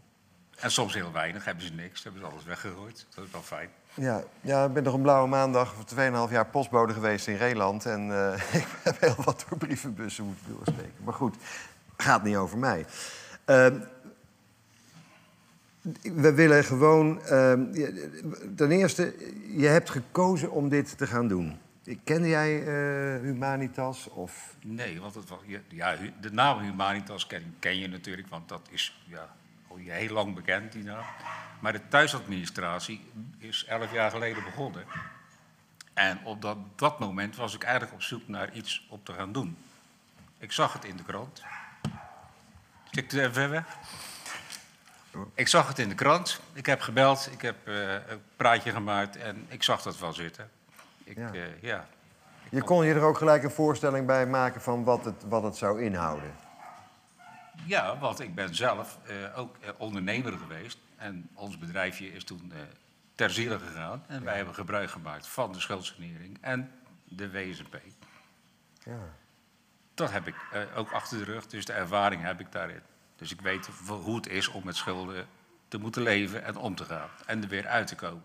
Ja. En ik vond het nogal een moeilijk traject. Ik denk er zullen vast hoop mensen zijn die daar moeite mee hebben. Ja, Adinda. Ehm, mogen we jou eens als testcase gebruiken? Hè, stel dat, eh, dat, dat Jules eh, ja, bij jou eh, in één keer voor de deur zou staan. Ja. Eerst natuurlijk met die coördinator. Ja. En dan, dan treft hij jou aan. Nou, had jij in het eerste uur verteld... en dat is iets waar je apen trots op kunt zijn... dat Ja. je het zelf eigenlijk al helemaal onder controle had. Maar je kunt je wel een voorstel, voorstelling maken, denk ik... van hoe onoverzichtelijk het kan zijn voor anderen. Eh, ja, dan. Kijk, in mijn geval zou het dan net, net iets anders zijn, misschien. Maar ehm, ik denk wat, hij, wat jij zou aantreffen, dat dat echt per huis verschillend kan zijn. eh, qua post en. eh, en ik denk als hij op dat moment bij mij had gestaan, dat dat qua st- stressniveau voor mij een, een stuk van mijn schouders was eh, afgevallen. Ja. Ja. En voor mij een stuk makkelijker. Want Ja. zij denkt mee. Zij dacht zelf al mee. Ja. Ja, want oh, dat is even goed dat je dat eh, zegt. Je bent natuurlijk niet iemand die alleen maar met cijfertjes bezig is. Je bent gewoon, je, je, je bent sociaal. Je bent met een contact bezig. Je bent Ja. met een, mens, Mens bezig. bezig. Ja, Ja. dus. Een mens wat in, in de e- emotie zit, wat in de problemen zit. En die, jij bent ook wat. ervaringsdeskundige dus. Want Uiteraard. jij snapt dat mensen hiervan in paniek kunnen raken. Maar mensen, kijk, de, de, als je in de financiële problemen komt, dan is dat een uitkomst van iets wat er gebeurd is. Dan is er Ja. ergens iets niet goed gegaan. En de- bij de een gaat zijn bedrijf failliet, bij de andere zijn dat persoonlijke omstandigheden. Dat, is, Ja. ja, dat ligt er gewoon aan. En hoe, hoe zijn die mensen daarmee omgegaan? En in de stress geraakt, hè, dat was in het begin van het gesprek natuurlijk al. Mensen raken in de stress. Dus wij moeten ook ontstressen. Ja. We moeten de mensen op hun gemak stellen. We moeten samen met ze de boel op een normale manier, in hun tempo, op de rit zetten. Ja, ze hebben natuurlijk al trouwens een eerste stap gezet... Ja, door überhaupt contact eh, te leggen. Nou ja, en dat stukje aan te willen gaan. aanhoren, hè, wat jij dan doet, Ja.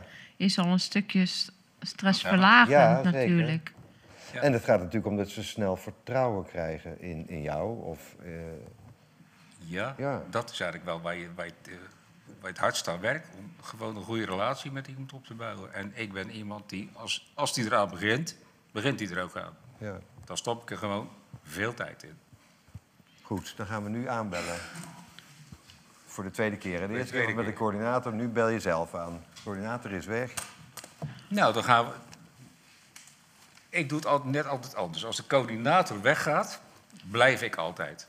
Want ik leef in de veronderstelling dat mensen, als er, eind- als er eindelijk iemand is die hulp eh, aanbiedt, niet gelijk de deur uitgaat om, en dan zegt: Ik kom over een week weer terug. Dan gaan we gelijk eerst gewoon een praatje maken. En dan gaan ze mij vertellen. Dan gaan we over, over van alles nog wat praten. Je vertelt ook over je eigen ervaring. Ja. Ja, want als je zelf, eh, wat van jezelf geeft, dan krijg je van een ander ja. meestal wat terug. Dus ja, dat is eigenlijk het begin. En dan zie ik wel hoe lang het duurt. En dan probeer ik tussen de regels door vast een beetje een indruk te krijgen van hoe het financieel in elkaar zit. En of er eh, haast bij is of geen haast bij is. Want je, inderdaad, je hebt mensen die zitten zo erg in de problemen. Ik heb toevallig vandaag eentje aangebeld bij de schuldhulpverlening... die al drie maanden geen uitkering heeft. Want die is stopgezet door bepaalde, onbepaalde redenen. Dus dan zet ik het hele traject in werking, zet ik het alles aan. En dan eh, komt het van alle kanten, gaan we nu met z'n allen... en dat is wel leuk in de, in de ketenaanpak... Ik maak nu gebruik van de sociale dienst, van de schuldhulpverlening, van de buitenwand, Ja. van die. Zou, ja, inderdaad, want dat Wat- komt er natuurlijk ook nog een keer bij. Eh, je sociale vaardigheid en vanuit je eigen eh, ervaringsdeskundigheid, je boekhoudkundige eh, inzicht, maar ook van hoe alle wet en regelgeving. En hoe het in elkaar zit, ja. Dat, Ja. Is, dat is wel makkelijk als je het een beetje weet en de mensen een beetje kennen onderweg. Want ik doe het natuurlijk al een jaartje zelf. Ja, nou er er werd in het eerste uur nog verteld dat, dat, er, dat jullie cursussen krijgen of op, opleidingen. Of... Ja, heel lang geleden heb ik cursussen gehad. maar de beste cursussen zijn de praktijkcursussen. En ik heb mijn praktijkdiploma boekhouden ook nog een keer gehaald tussendoor. Dus Ja. dat doen we gewoon. Nee, als je Oh, vrijwilliger bent dan, en je, je bent een beetje bevlogen, dan doe je dat gewoon. Toen ik in mijn fantasie eh, zat te denken van dat jullie twee hier zouden zijn... eh, en ook aan dezezelfde tafel op hetzelfde moment zouden zitten... dacht ik van ga eens een gesprek aan. Doe eens of je hebt aangebeld. Of is dat flauwekul? Wat Dat flauwekul, onzin. Dat is flauwekul. Ja, niet van. Toevallig, toevallig kennen we elkaar. Ja. Oh, daarom. Nee. nee, dat kan ook trouwens niet als we even naar de Ik, tijd... nee, maar ik kan je wel leuke voorbeelden geven. Wat we, wat we meemaken. Een- Wat ik een heel grappig voorbeeld vind, is... Er was een meisje met eh, twee kleine kindertjes... en het water zou worden afgesloten. Ja. Ik daar naartoe. Ik kijk op die eindafrekening, zie ik geschatte standen staan. Dus ik vraag aan hem, neem jij de watermeter wel eens op? Watermeter, wat is dat? Dus weet je waar, weet je waar, dus ik leg uit wat een wa- watermeter is. Ik zeg, weet je waar die zit in je huis? Ik heb geen idee, dus wij kijken in de badkamer, in de wc. Ja. Ik zeg, weet je wat we doen? We gaan even aan de buurvrouw vragen. Dus wij hebben de buurvrouw gevraagd. Waar zit bij u de watermeter? Nou, die zat in de gangkast. Wij de meterstand opgenomen, genomen, een fotootje gemaakt, Evides gebeld. En in plaats dat het water werd afgesloten, kreeg ze nog een paar honderd euro terug. Want ze had al, al, die tijd, al die jaren die ze daar woonde nog nooit de waterstand opgegeven. En ze was hartstikke zuinig met water dus. En daar help je ze dan mee. Ja, nogal ja. Nou, zulke dingen, dat zijn wel grappige dingen. Maar mensen komen daardoor in de problemen omdat ze niet precies weten hoe alles werkt. ja. Gewoon een klein, een klein voorbeeldje. Ja, Ander verhaal. Ander ander. ander verhaal. Nou, Joke en ik zijn een jaar of zeven, acht geleden, het is een bekende verhaal, bij iemand uit Iran op visite. De trap ligt helemaal vol met administratie. Het huis is één grote ramp, drama, helemaal vervuild. Meneer heeft een zelfmoordpoging gedaan een keer. En inmiddels kom ik al een jaar of acht bij hem, nog steeds. En we hebben zijn huis aan kant, alles is geregeld. We hebben, daar hebben we heel lang over gedaan. Maar dat zijn situaties die we tegenkomen. Ja. En daar heb ik samen met zijn werkgever toen contact gezocht. De man had ook gewoon een baan. Eh, hebben we ervoor gezorgd dat hij weer in zijn ritme kwam. En hij vindt het gewoon fijn dat ik één keer in de drie maanden eens een keer een bak koffie kom drinken. En nemen we samen even zijn financiën door. Kijken of het goed gaat. Ja. Je, ehm, Adinda, eh, wat, wat, wat mag je verwachten van iemand die, eh, die bij jou aan huis komt... en die ja, toch zo vertrouwelijk in, in jouw leven zou zit? En, en Jules geeft aan hoe ongelooflijk eh, oké dat gaat, maar... Nou, het, is, het is een stukje vertrouwen winnen, dat absoluut. Maar het is ook een stukje eh, doorprikken, denk ik, in, eh, in, eh, bij de mensen. Hè, je, zegt, je zegt al automatisch van het gaat goed, niks aan de hand. eh, ik heb alleen deze brief, bij wijze van. Maar ehm, het, het is een stukje mensenkennis hebben, kijken hoe een persoon in elkaar steekt. Ja. Want wat me opvalt, je- het is een... Het is, Het is een, veelkoppig... Nee, hoe noem je dat? Een, eh, Het is heel veelzijdig. veelzijdig. Ja, Je, moet, je moet gewoon heel veel dingen aanpakken. Je pakt de financiële problemen, zijn eigenlijk de makkelijkste problemen. Ja. Hè? dat Dat, schud je, dat je even, Ja, en dan ja, zet je op een rijtje klaar. Nou, en begin, ook niet eh, met, als jij, als jij bijvoorbeeld bij iemand zou komen, maar, ehm, nou weet ik dat jij dat niet zou doen, maar begin niet standaard met, nou, eh, je hebt eh, schulden, laten we meteen maar beginnen en dit en dat. Dat is echt zo stressverhogend. Ga gewoon met een bakje koffie, thee of Ja, whatever gewoon zitten, praten. Dan komt dat vanzelf. Ja. En dat is dat stukje filteren van, wat is er aan de hand? Wat is de achterliggend probleem? Ja. En dat, eh, ja, dat, dat helpt echt wel. En nou heb je natuurlijk, daar hadden we het net ook even over, het, eh, eigenlijk twee categorieën, of drie. Eh, dat zijn mensen die gewoon eh, juridisch gedwongen worden om de zaak op orde te krijgen. Daar hebben jullie als eh, thuisadministratie niet zoveel mee te maken, heb ik begrepen. Nee. Dus het gaat meer om mensen die vrijwillig eh, geholpen willen worden, Ja. die er een beetje een, een, van hebben gemaakt. Wij helpen mensen die geholpen willen worden. Ja, exact. Ja. En dan ook die, dat vond ik wel een interessante groep, mensen die eigenlijk nog helemaal geen schulden hebben, maar gewoon ja, in één keer de, de, de man of de echtgenoot overlijdt of, of de vrouw. Ja. en hij zit in Die heb ik ook toevallig. Eentje. Ja. En wat, ik heb nu, kom nu bij mijn vrouw, alweer een paar jaartjes. Ze is inmiddels 71. Nou, haar man kwam te overlijden. Had het nog nooit gedaan. Er zaten wel wat kleine schulden in. Nou, die hebben we verholpen. En ik kom daar gewoon, ik ga er bijna elke week nog Ja. nog langs. Omdat ze het gewoon, ze kan het zelf gewoon niet. Ze heeft het nooit gedaan. Portugese afkomst, Nederlands is een beetje slecht, nog steeds. Dus dat is wel jammer. En is het... eh, en voor mij een kleine moeite. is, is, is de wereld echt ingewikkeld en moeilijk? Nee, het is vrij Vind je simpel. niet? Nee, Met waterleidingbedrijven en energiebedrijven? en- al die dingen zijn hartstikke moeilijk. Maar als we, het- we moeten het zelf doen. En sommige mensen kunnen het niet, of willen het niet. Maar de hoop mensen die het niet kunnen, moeten gewoon een beetje geholpen worden. Ik heb 40 collega's bij Marital zitten. We hebben een schuldhulpmaatje. Maar de mensen moeten er wel kenbaar maken dat ze hulp willen hebben. Ik heb ook een mevrouw, dat doe ik alleen de post. Meer niet, neem het Ja. gewoon samen door. Oké. En, en, en voel je je er ook zelf altijd prettig bij? Of heb je wel op een gegeven moment dat je met, die- met denkt van... nou, dat gaat, gewoon niet, dat gaat hem niet worden? Dat hebben we ook regelmatig natuurlijk, dat je af en toe bij mensen komt. Dat, ja, dat, dat wordt gewoon niks, dat kan niet. Nee. Of het klikt niet, dan, geven we het gewoon terug. En dan zoeken we soms nog wel eens iemand anders op. Ja, Een binnen andere de collega. zelf Humanitas of wordt hij terug naar dat perron voor een van de andere Nee, nee, nee, maar dan proberen de coördinatoren en andere vrijwilliger van die Humanitas Ja, ja. eh, de, erbij te zetten... die misschien beter bij zo'n persoon past. Dat kan, hè, want je, je hoeft mij niet altijd aardig Nee, nee, nee, dat snap ik. Maar het is, nee, ik kan me ook voorstellen dat het niet alleen met jou niet aardig vinden te maken heeft... maar gewoon met een soort eh eigen wijsheid of... eh, Ja, ik ben ook redelijk eigenwijs, dus ja, dat kan. Ga weg, vlieg. Zou je eh, inderdaad... eh, d- moet, moet die klik er zijn? Of denk je gewoon als, eh Ja. als, als ja, degene die in de problemen zit van... nou, ik hoef niet per se die klik, maar eh, ik, ik snap wel dat ik geholpen moet worden? Nou, maar ik vind wel dat de klik er moet zijn. Die moet er zijn. Want Je bent eh, op een gebied bezig, je weet alles van die mensen. Ja, natuurlijk, ja. ja. Ik kan heel, heel hun leven vernietigen als ik het wil. Ik kan overal bij. Ik kan overal in. Hè, want geld vertelt alles. Ja. En Maar door, dat je- door een klik wordt iemand ook open. Ja. Ja. Want je hebt niet, kijk, niet iedereen vertelt in, eh, in de eerste paar maanden wat er echt aan de hand is. Soms duurt het wel eens een half jaar voordat je alles op tafel hebt. Ja, was ik nog eh, vergeten te vragen. Je, je, hoe, hoe, doe je, kom, hoe vaak kom je langs? Per, In principe in het begin altijd één keer per week. Eén keer per week. Ik, de mevrouw waar ik vorige week ben begonnen, ben ik inmiddels al vier keer geweest.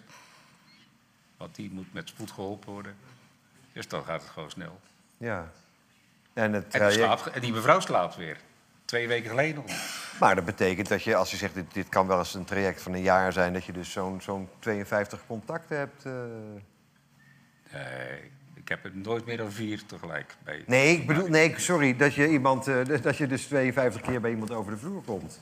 Als ja, als je- makkelijk. Ja, ja oké. Ik kom zeker bij drie vier mensen per week over de vloer. Is, eh, Want ik zit ook nog bij de Stichting De Buitenwacht tegenwoordig. En nou wil ik iets weten over... In het kader van het uitleenprogramma van Arjan. Wij werken samen al, hè? Ik ga je een gewetensvraag stellen, Ja. toch? Eh, is het een goede werkgever? Of dat is nu werkgever is het niet Humanitas. Maar... Ja. Want Ze ik- zijn niet zo goed in het bijhouden van de administratie, maar voor de rest gaat prima. Want we gaan zo meteen eh, proberen reclame te maken voor eh, vrijwilliger thuisadministratie in het bijzonder en vrijwilliger zijn in het algemeen. Ja, dat is hartstikke leuk. Kun je reclame maken? Jazeker. Voor, voor dit. Wat, wat is het nou? Je zei het eigenlijk al. Je komt bij de mensen. Het is gewoon leuk, maar vertel eens. Nou, je, je, je voegt echt iets toe eh, aan het leven van iemand als je ze echt kan helpen.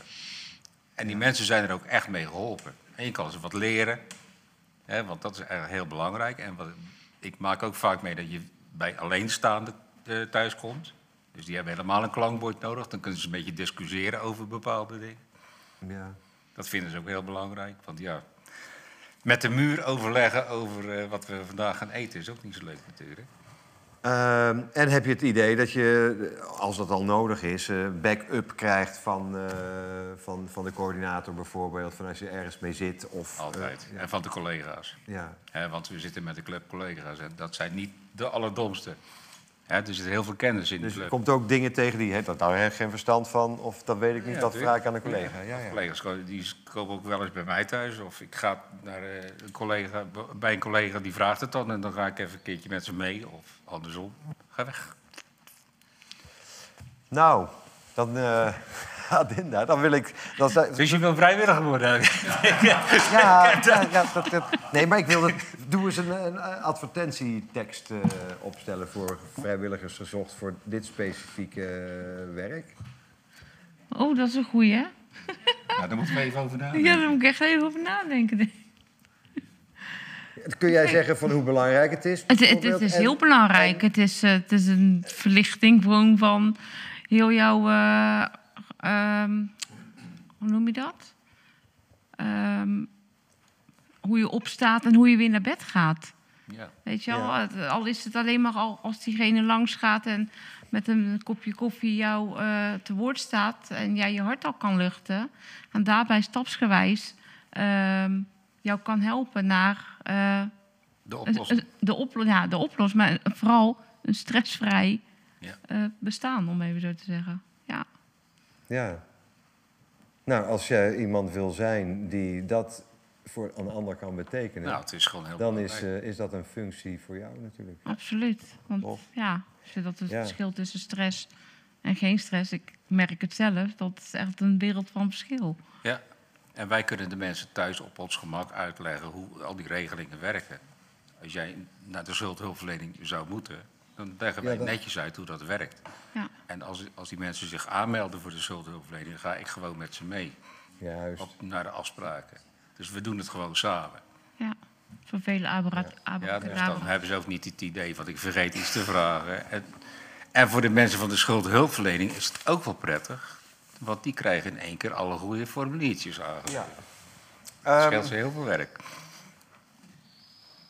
Ja. Ja. Ik ben enthousiast geworden. Dat dacht ik al.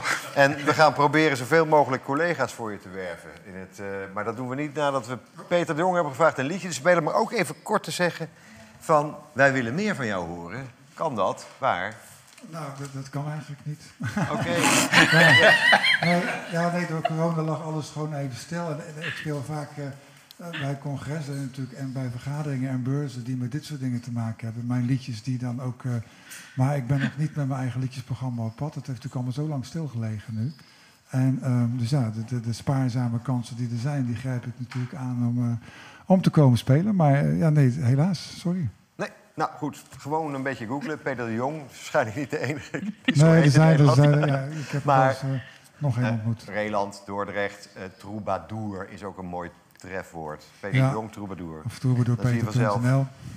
Energie Maar goed, eh, Leuk. nee, maar vrijwilligers, het is ook de week van de vrijwilliger volgens mij nu, hè, dus eh, dacht ik.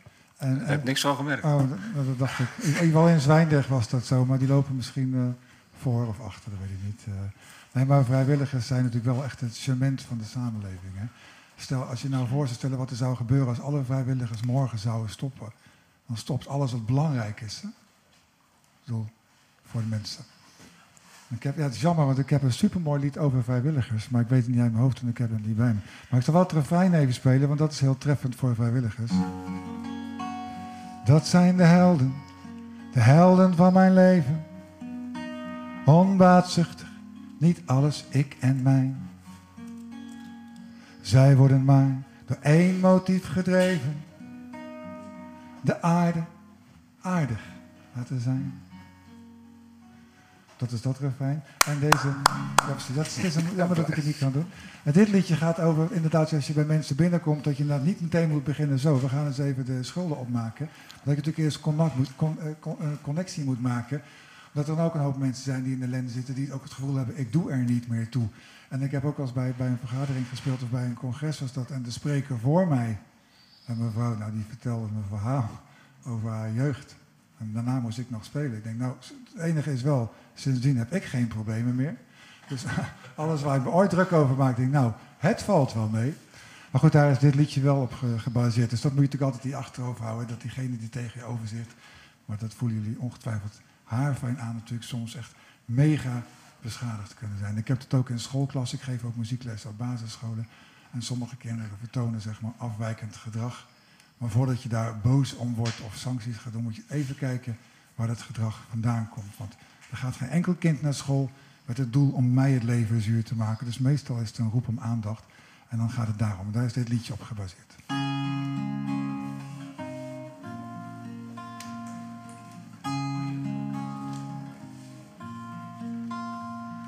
Mama, ik wil wat vragen. Moeten we weer weg? Het spook soms door mijn nou Het is niet zo belangrijk, maar toch. Maar toch. Mama, heb jij een antwoord? Vind je het fijn dat ik er ben? Misschien een stomme vraag, maar toch. Maar toch. En ik hoor zoveel verhalen. En ik vind het best wel gek. Op deze hele grote wereld is er voor mij toch ook wel plek voor mij. Voor mij. Voor mij.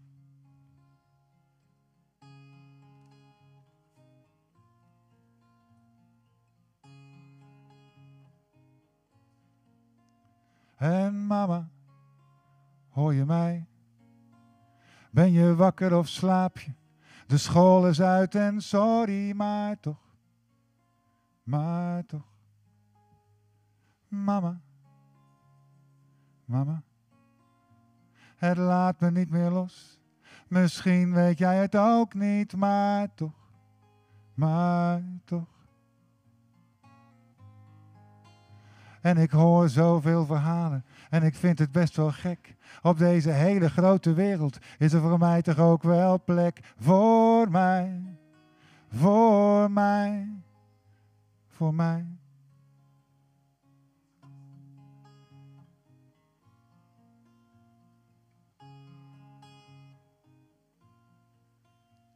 Mama, laat me even. Je bent misschien te moe. Je hebt al zoveel zorgen voor mij. Maar toch, maar toch.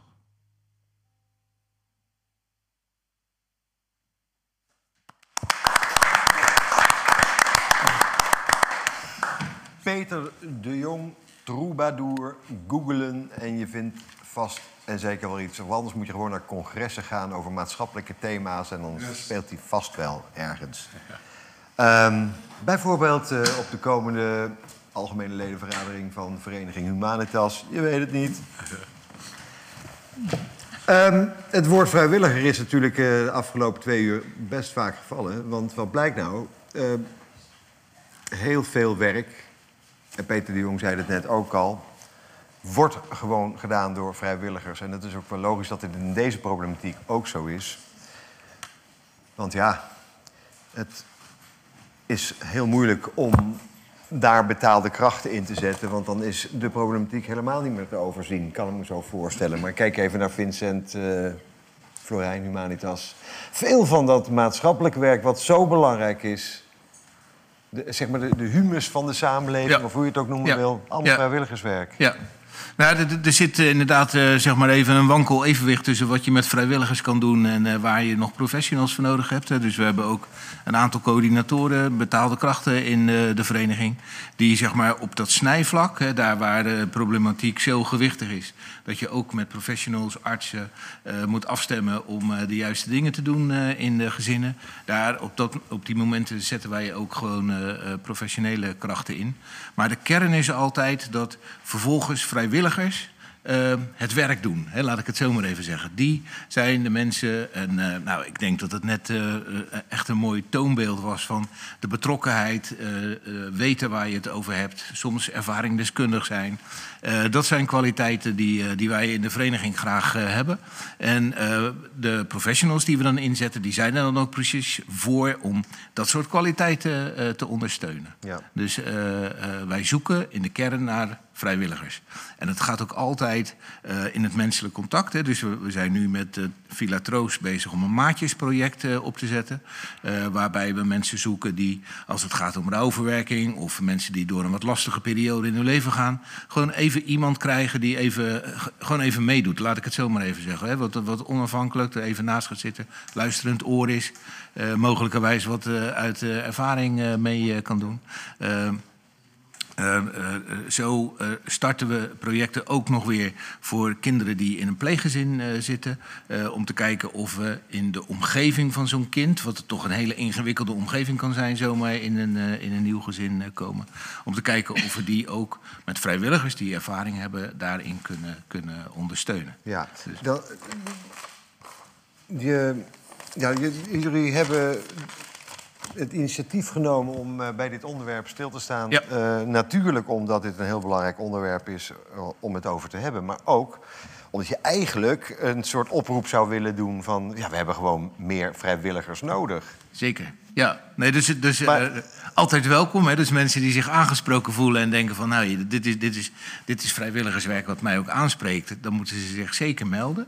En, uh, maar we, sowieso mensen die denken van... Uh, om maar even heel, concreet te benoemen... we zijn nog op zoek naar een penningmeester van de vereniging. Hè? Dus dat zou ook heel handig zijn. Of ja. onze eigen, eigen boekhouding, om dat goed uh, te verzorgen.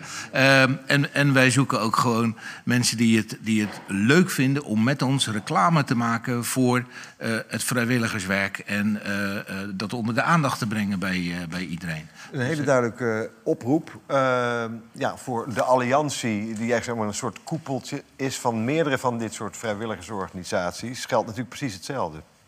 Jazeker, ja. En... Waar, waar het, heel, nou, het is voor mij in het eerste uur heel erg de orde geweest dat de omvang van de problematiek van de schuldenproblemen of de financiële problemen de komende tijd echt veel groter gaat worden.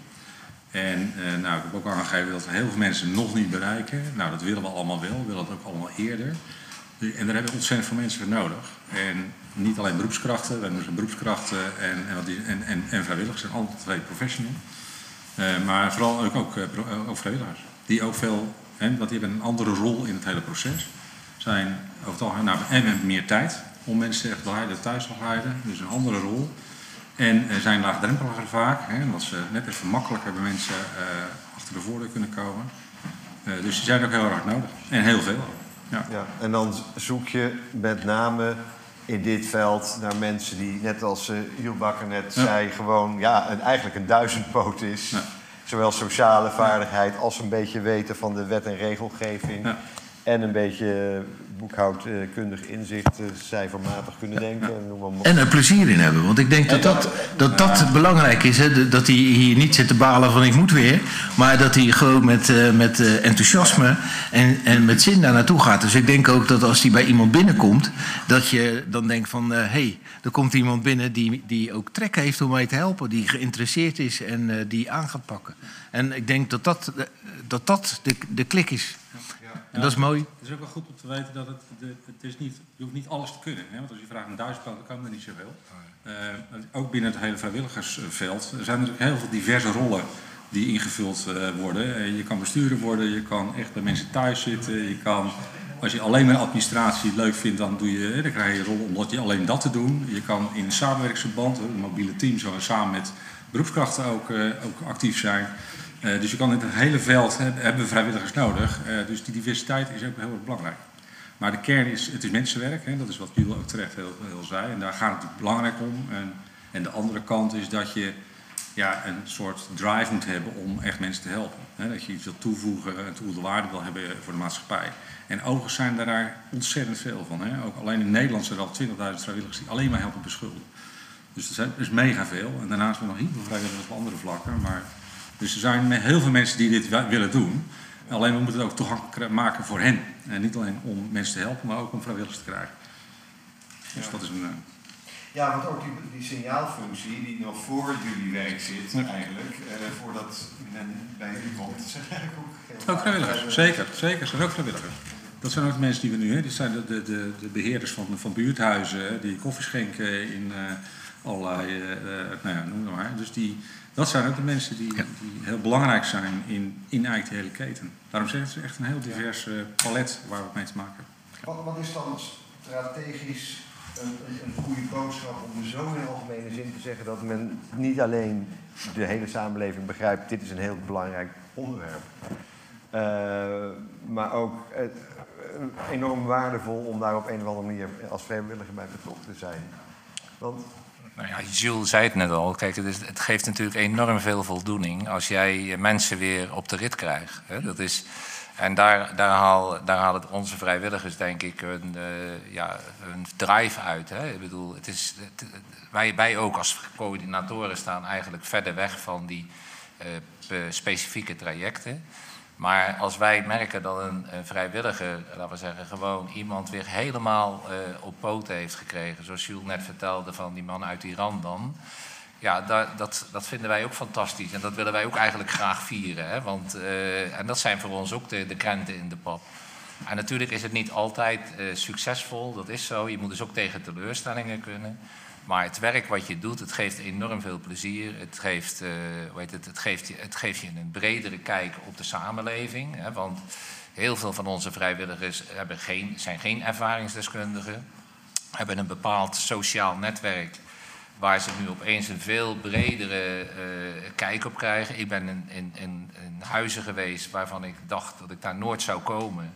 Maar als coördinator kom ik er nu wel binnen. En ik vind dat, ja, ik vind dat gewoon een verrijking, ook voor mezelf.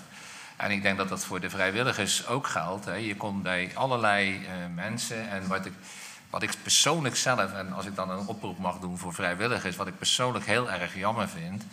Dat, en dat heb ik ook wel eens, uh, laten we zeggen, in een brede verband bij Humanitas gezegd. Wij zijn best wel wat ik dan noem een witte vereniging. En wij zijn al tijden op zoek naar het, uh, nou, de gouden tip om bijvoorbeeld mensen met een andere culturele achtergrond bij ons uh, te laten aansluiten. En als iemand die tip heeft vanavond, dan zouden wij daar ontzettend blij uh, mee zijn. Want ja, wij hebben één uh, Marokkaanse achtergrond vrijwilligster en daar zijn we ontzettend blij mee. Want dan kom je toch in een andere culturele achtergrond. En heel veel mensen van Marokkaanse en Turkse achtergrond vragen wel om hulp. Maar wij zouden, wij zouden ook graag mensen aan de andere kant hebben, zodat wij ze, hè, ook, ja. onder andere de taalproblemen daarmee oplossen. Want er zijn nog heel vaak taalproblemen. En, dat, uh, ja, en dan, als wij mensen met een taalprobleem kunnen wij eigenlijk niet helpen. En dan haken wij af. En dat is zo ontzettend jammer dat, uh, dat wij er soms nee moeten verkopen, laat ik het dan zo zeggen. Arjen Baan van de Alliantie Vrijwilligers Schulp Schuldhulp. Ja, het is de Alliantie Dordrecht en wij doen vrijwillige schuldhulp. Ja. Dus dat is ons doel. Okay, ja. Maar ik, ik, heb niet de gouden tip, maar wel een, een belangrijke. Want het, heeft ook met cultuur te maken. Nederlanders zijn enorm uh, in de vrijwilligers. Hè. Dat kom je in andere culturen veel minder tegen. Ik heb toevallig heel erg veel te maken met de Marokkaanse en Turkse uh, organisaties en ook gemeenschappen. Uh, inmiddels ook met Somalische en met Antilliaanse. Zitten in een ander kader over energiearmoede gaat het dan bijvoorbeeld. Uh, maar er worden uh, behoorlijk wat bijeenkomsten georganiseerd specifiek voor die doelgroepen. Dat doen we in die taal. Daar proberen ook, er zitten ook wel vrijwilligers bij, ook wel vanuit Humanitas. Maar dat zou bij uitstek, en dan vragen we niet alleen, je kunt hulp krijgen, maar we vragen aan de gemeenschap ook, joh, leven vrijwilligers. Want het is zoveel makkelijker als je de cultuur en de taal snapt, om ook daadwerkelijk hulp te bieden, maar ook om hulp te vragen. Dus uh, we vragen dus opnieuw. Maar dan is het heel erg fijn als er mensen van Schuldmaatje, Manitas er ook bij zijn. Zodat ze ook, als er mensen zijn die de vinger opsteken, ook gelijk warm welkom geheten worden.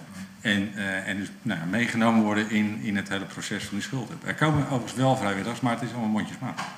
Ja. Dus uh, wat mij betreft, dat is mijn voorstel. we gaan jullie uitnodigen voor, voor de, de bijeenkomsten die de komende periode nog komen. Overigens in de tijd van de verzuiling, uh, jaren achter ons ligt dat, waren er ook heel veel vrijwilligers werkzaam in de diverse zuilen. Dus of het per se noodzakelijk is om. Uh, want jullie werken met, met ja, in feite vanuit alle doelgroepen. Dat, dat zit in die alliantie. Ja, ja dat klopt. In de alliantie is het zo. Maar ja. Wat, wat, ik, wat, wat, wat, wat, wij merken is dat, dat soms door taalproblemen wij dus uh, nee moeten verkopen. Ja, dat willen we eigenlijk uh, weghalen. En dat kan, dat kan je weghalen als je gewoon uh, vrijwilligers hebt uit, uit de, hoe heet het, dezelfde culturele groep, zeg maar. Ja. En dat, dat is wat wij hopen te bereiken. En ik weet hoor, Arjan, we, zijn natuurlijk, we doen mee met die alliantie. En we, we zijn ook daar druk mee bezig. Maar ja, ik heb ook, eh, ook mensen die al langer, laten we zeggen, ook met de Marokkaanse en de, en de, en de Turkse gemeenschap bezig zijn, heb ik nog eigenlijk niet de echt gouden tip hè, van hoe krijgen wij ons vrijwilligersbestand uitgebreid. Overigens zijn we ook op zoek gewoon naar mensen die, dit, die het gewoon leuk vinden. En wat Joke net ook zei, van, wij, wij, wij helpen niet alleen mensen met schulden, maar ook mensen die gewoon administratieve problemen hebben. En dat is ook, dat is ook fijn werk. Als je iemand die door een overlijden opeens met de handen in het haar zit en je kan die persoon eh, helpen, dat, vind, dat heeft ons net zoveel voldoening. Iedereen die zich ertoe geroepen voelt om wat voor manier dan ook vrijwillig een bijdrage te leveren aan de maatschappelijke noden, doe dat vooral. In de armoede of in welk ander maatschappelijk veld dan ook. Humanitas vooral bedankt dat aandacht is gegeven aan de armoede- en schuldenproblematiek. Dit was Video Cultura voor deze week. Volgende week weer van Reland.